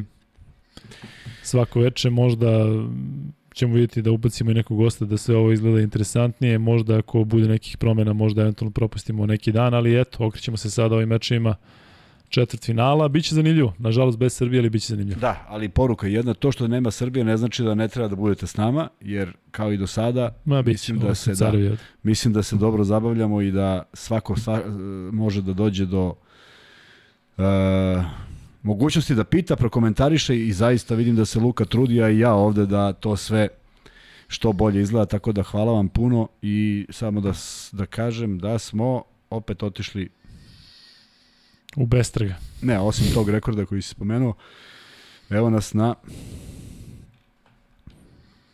6250 pratilaca. Ne tako davno, pre dva dana, bili smo na 6000, prema tome hvala vam puno. Vidimo se.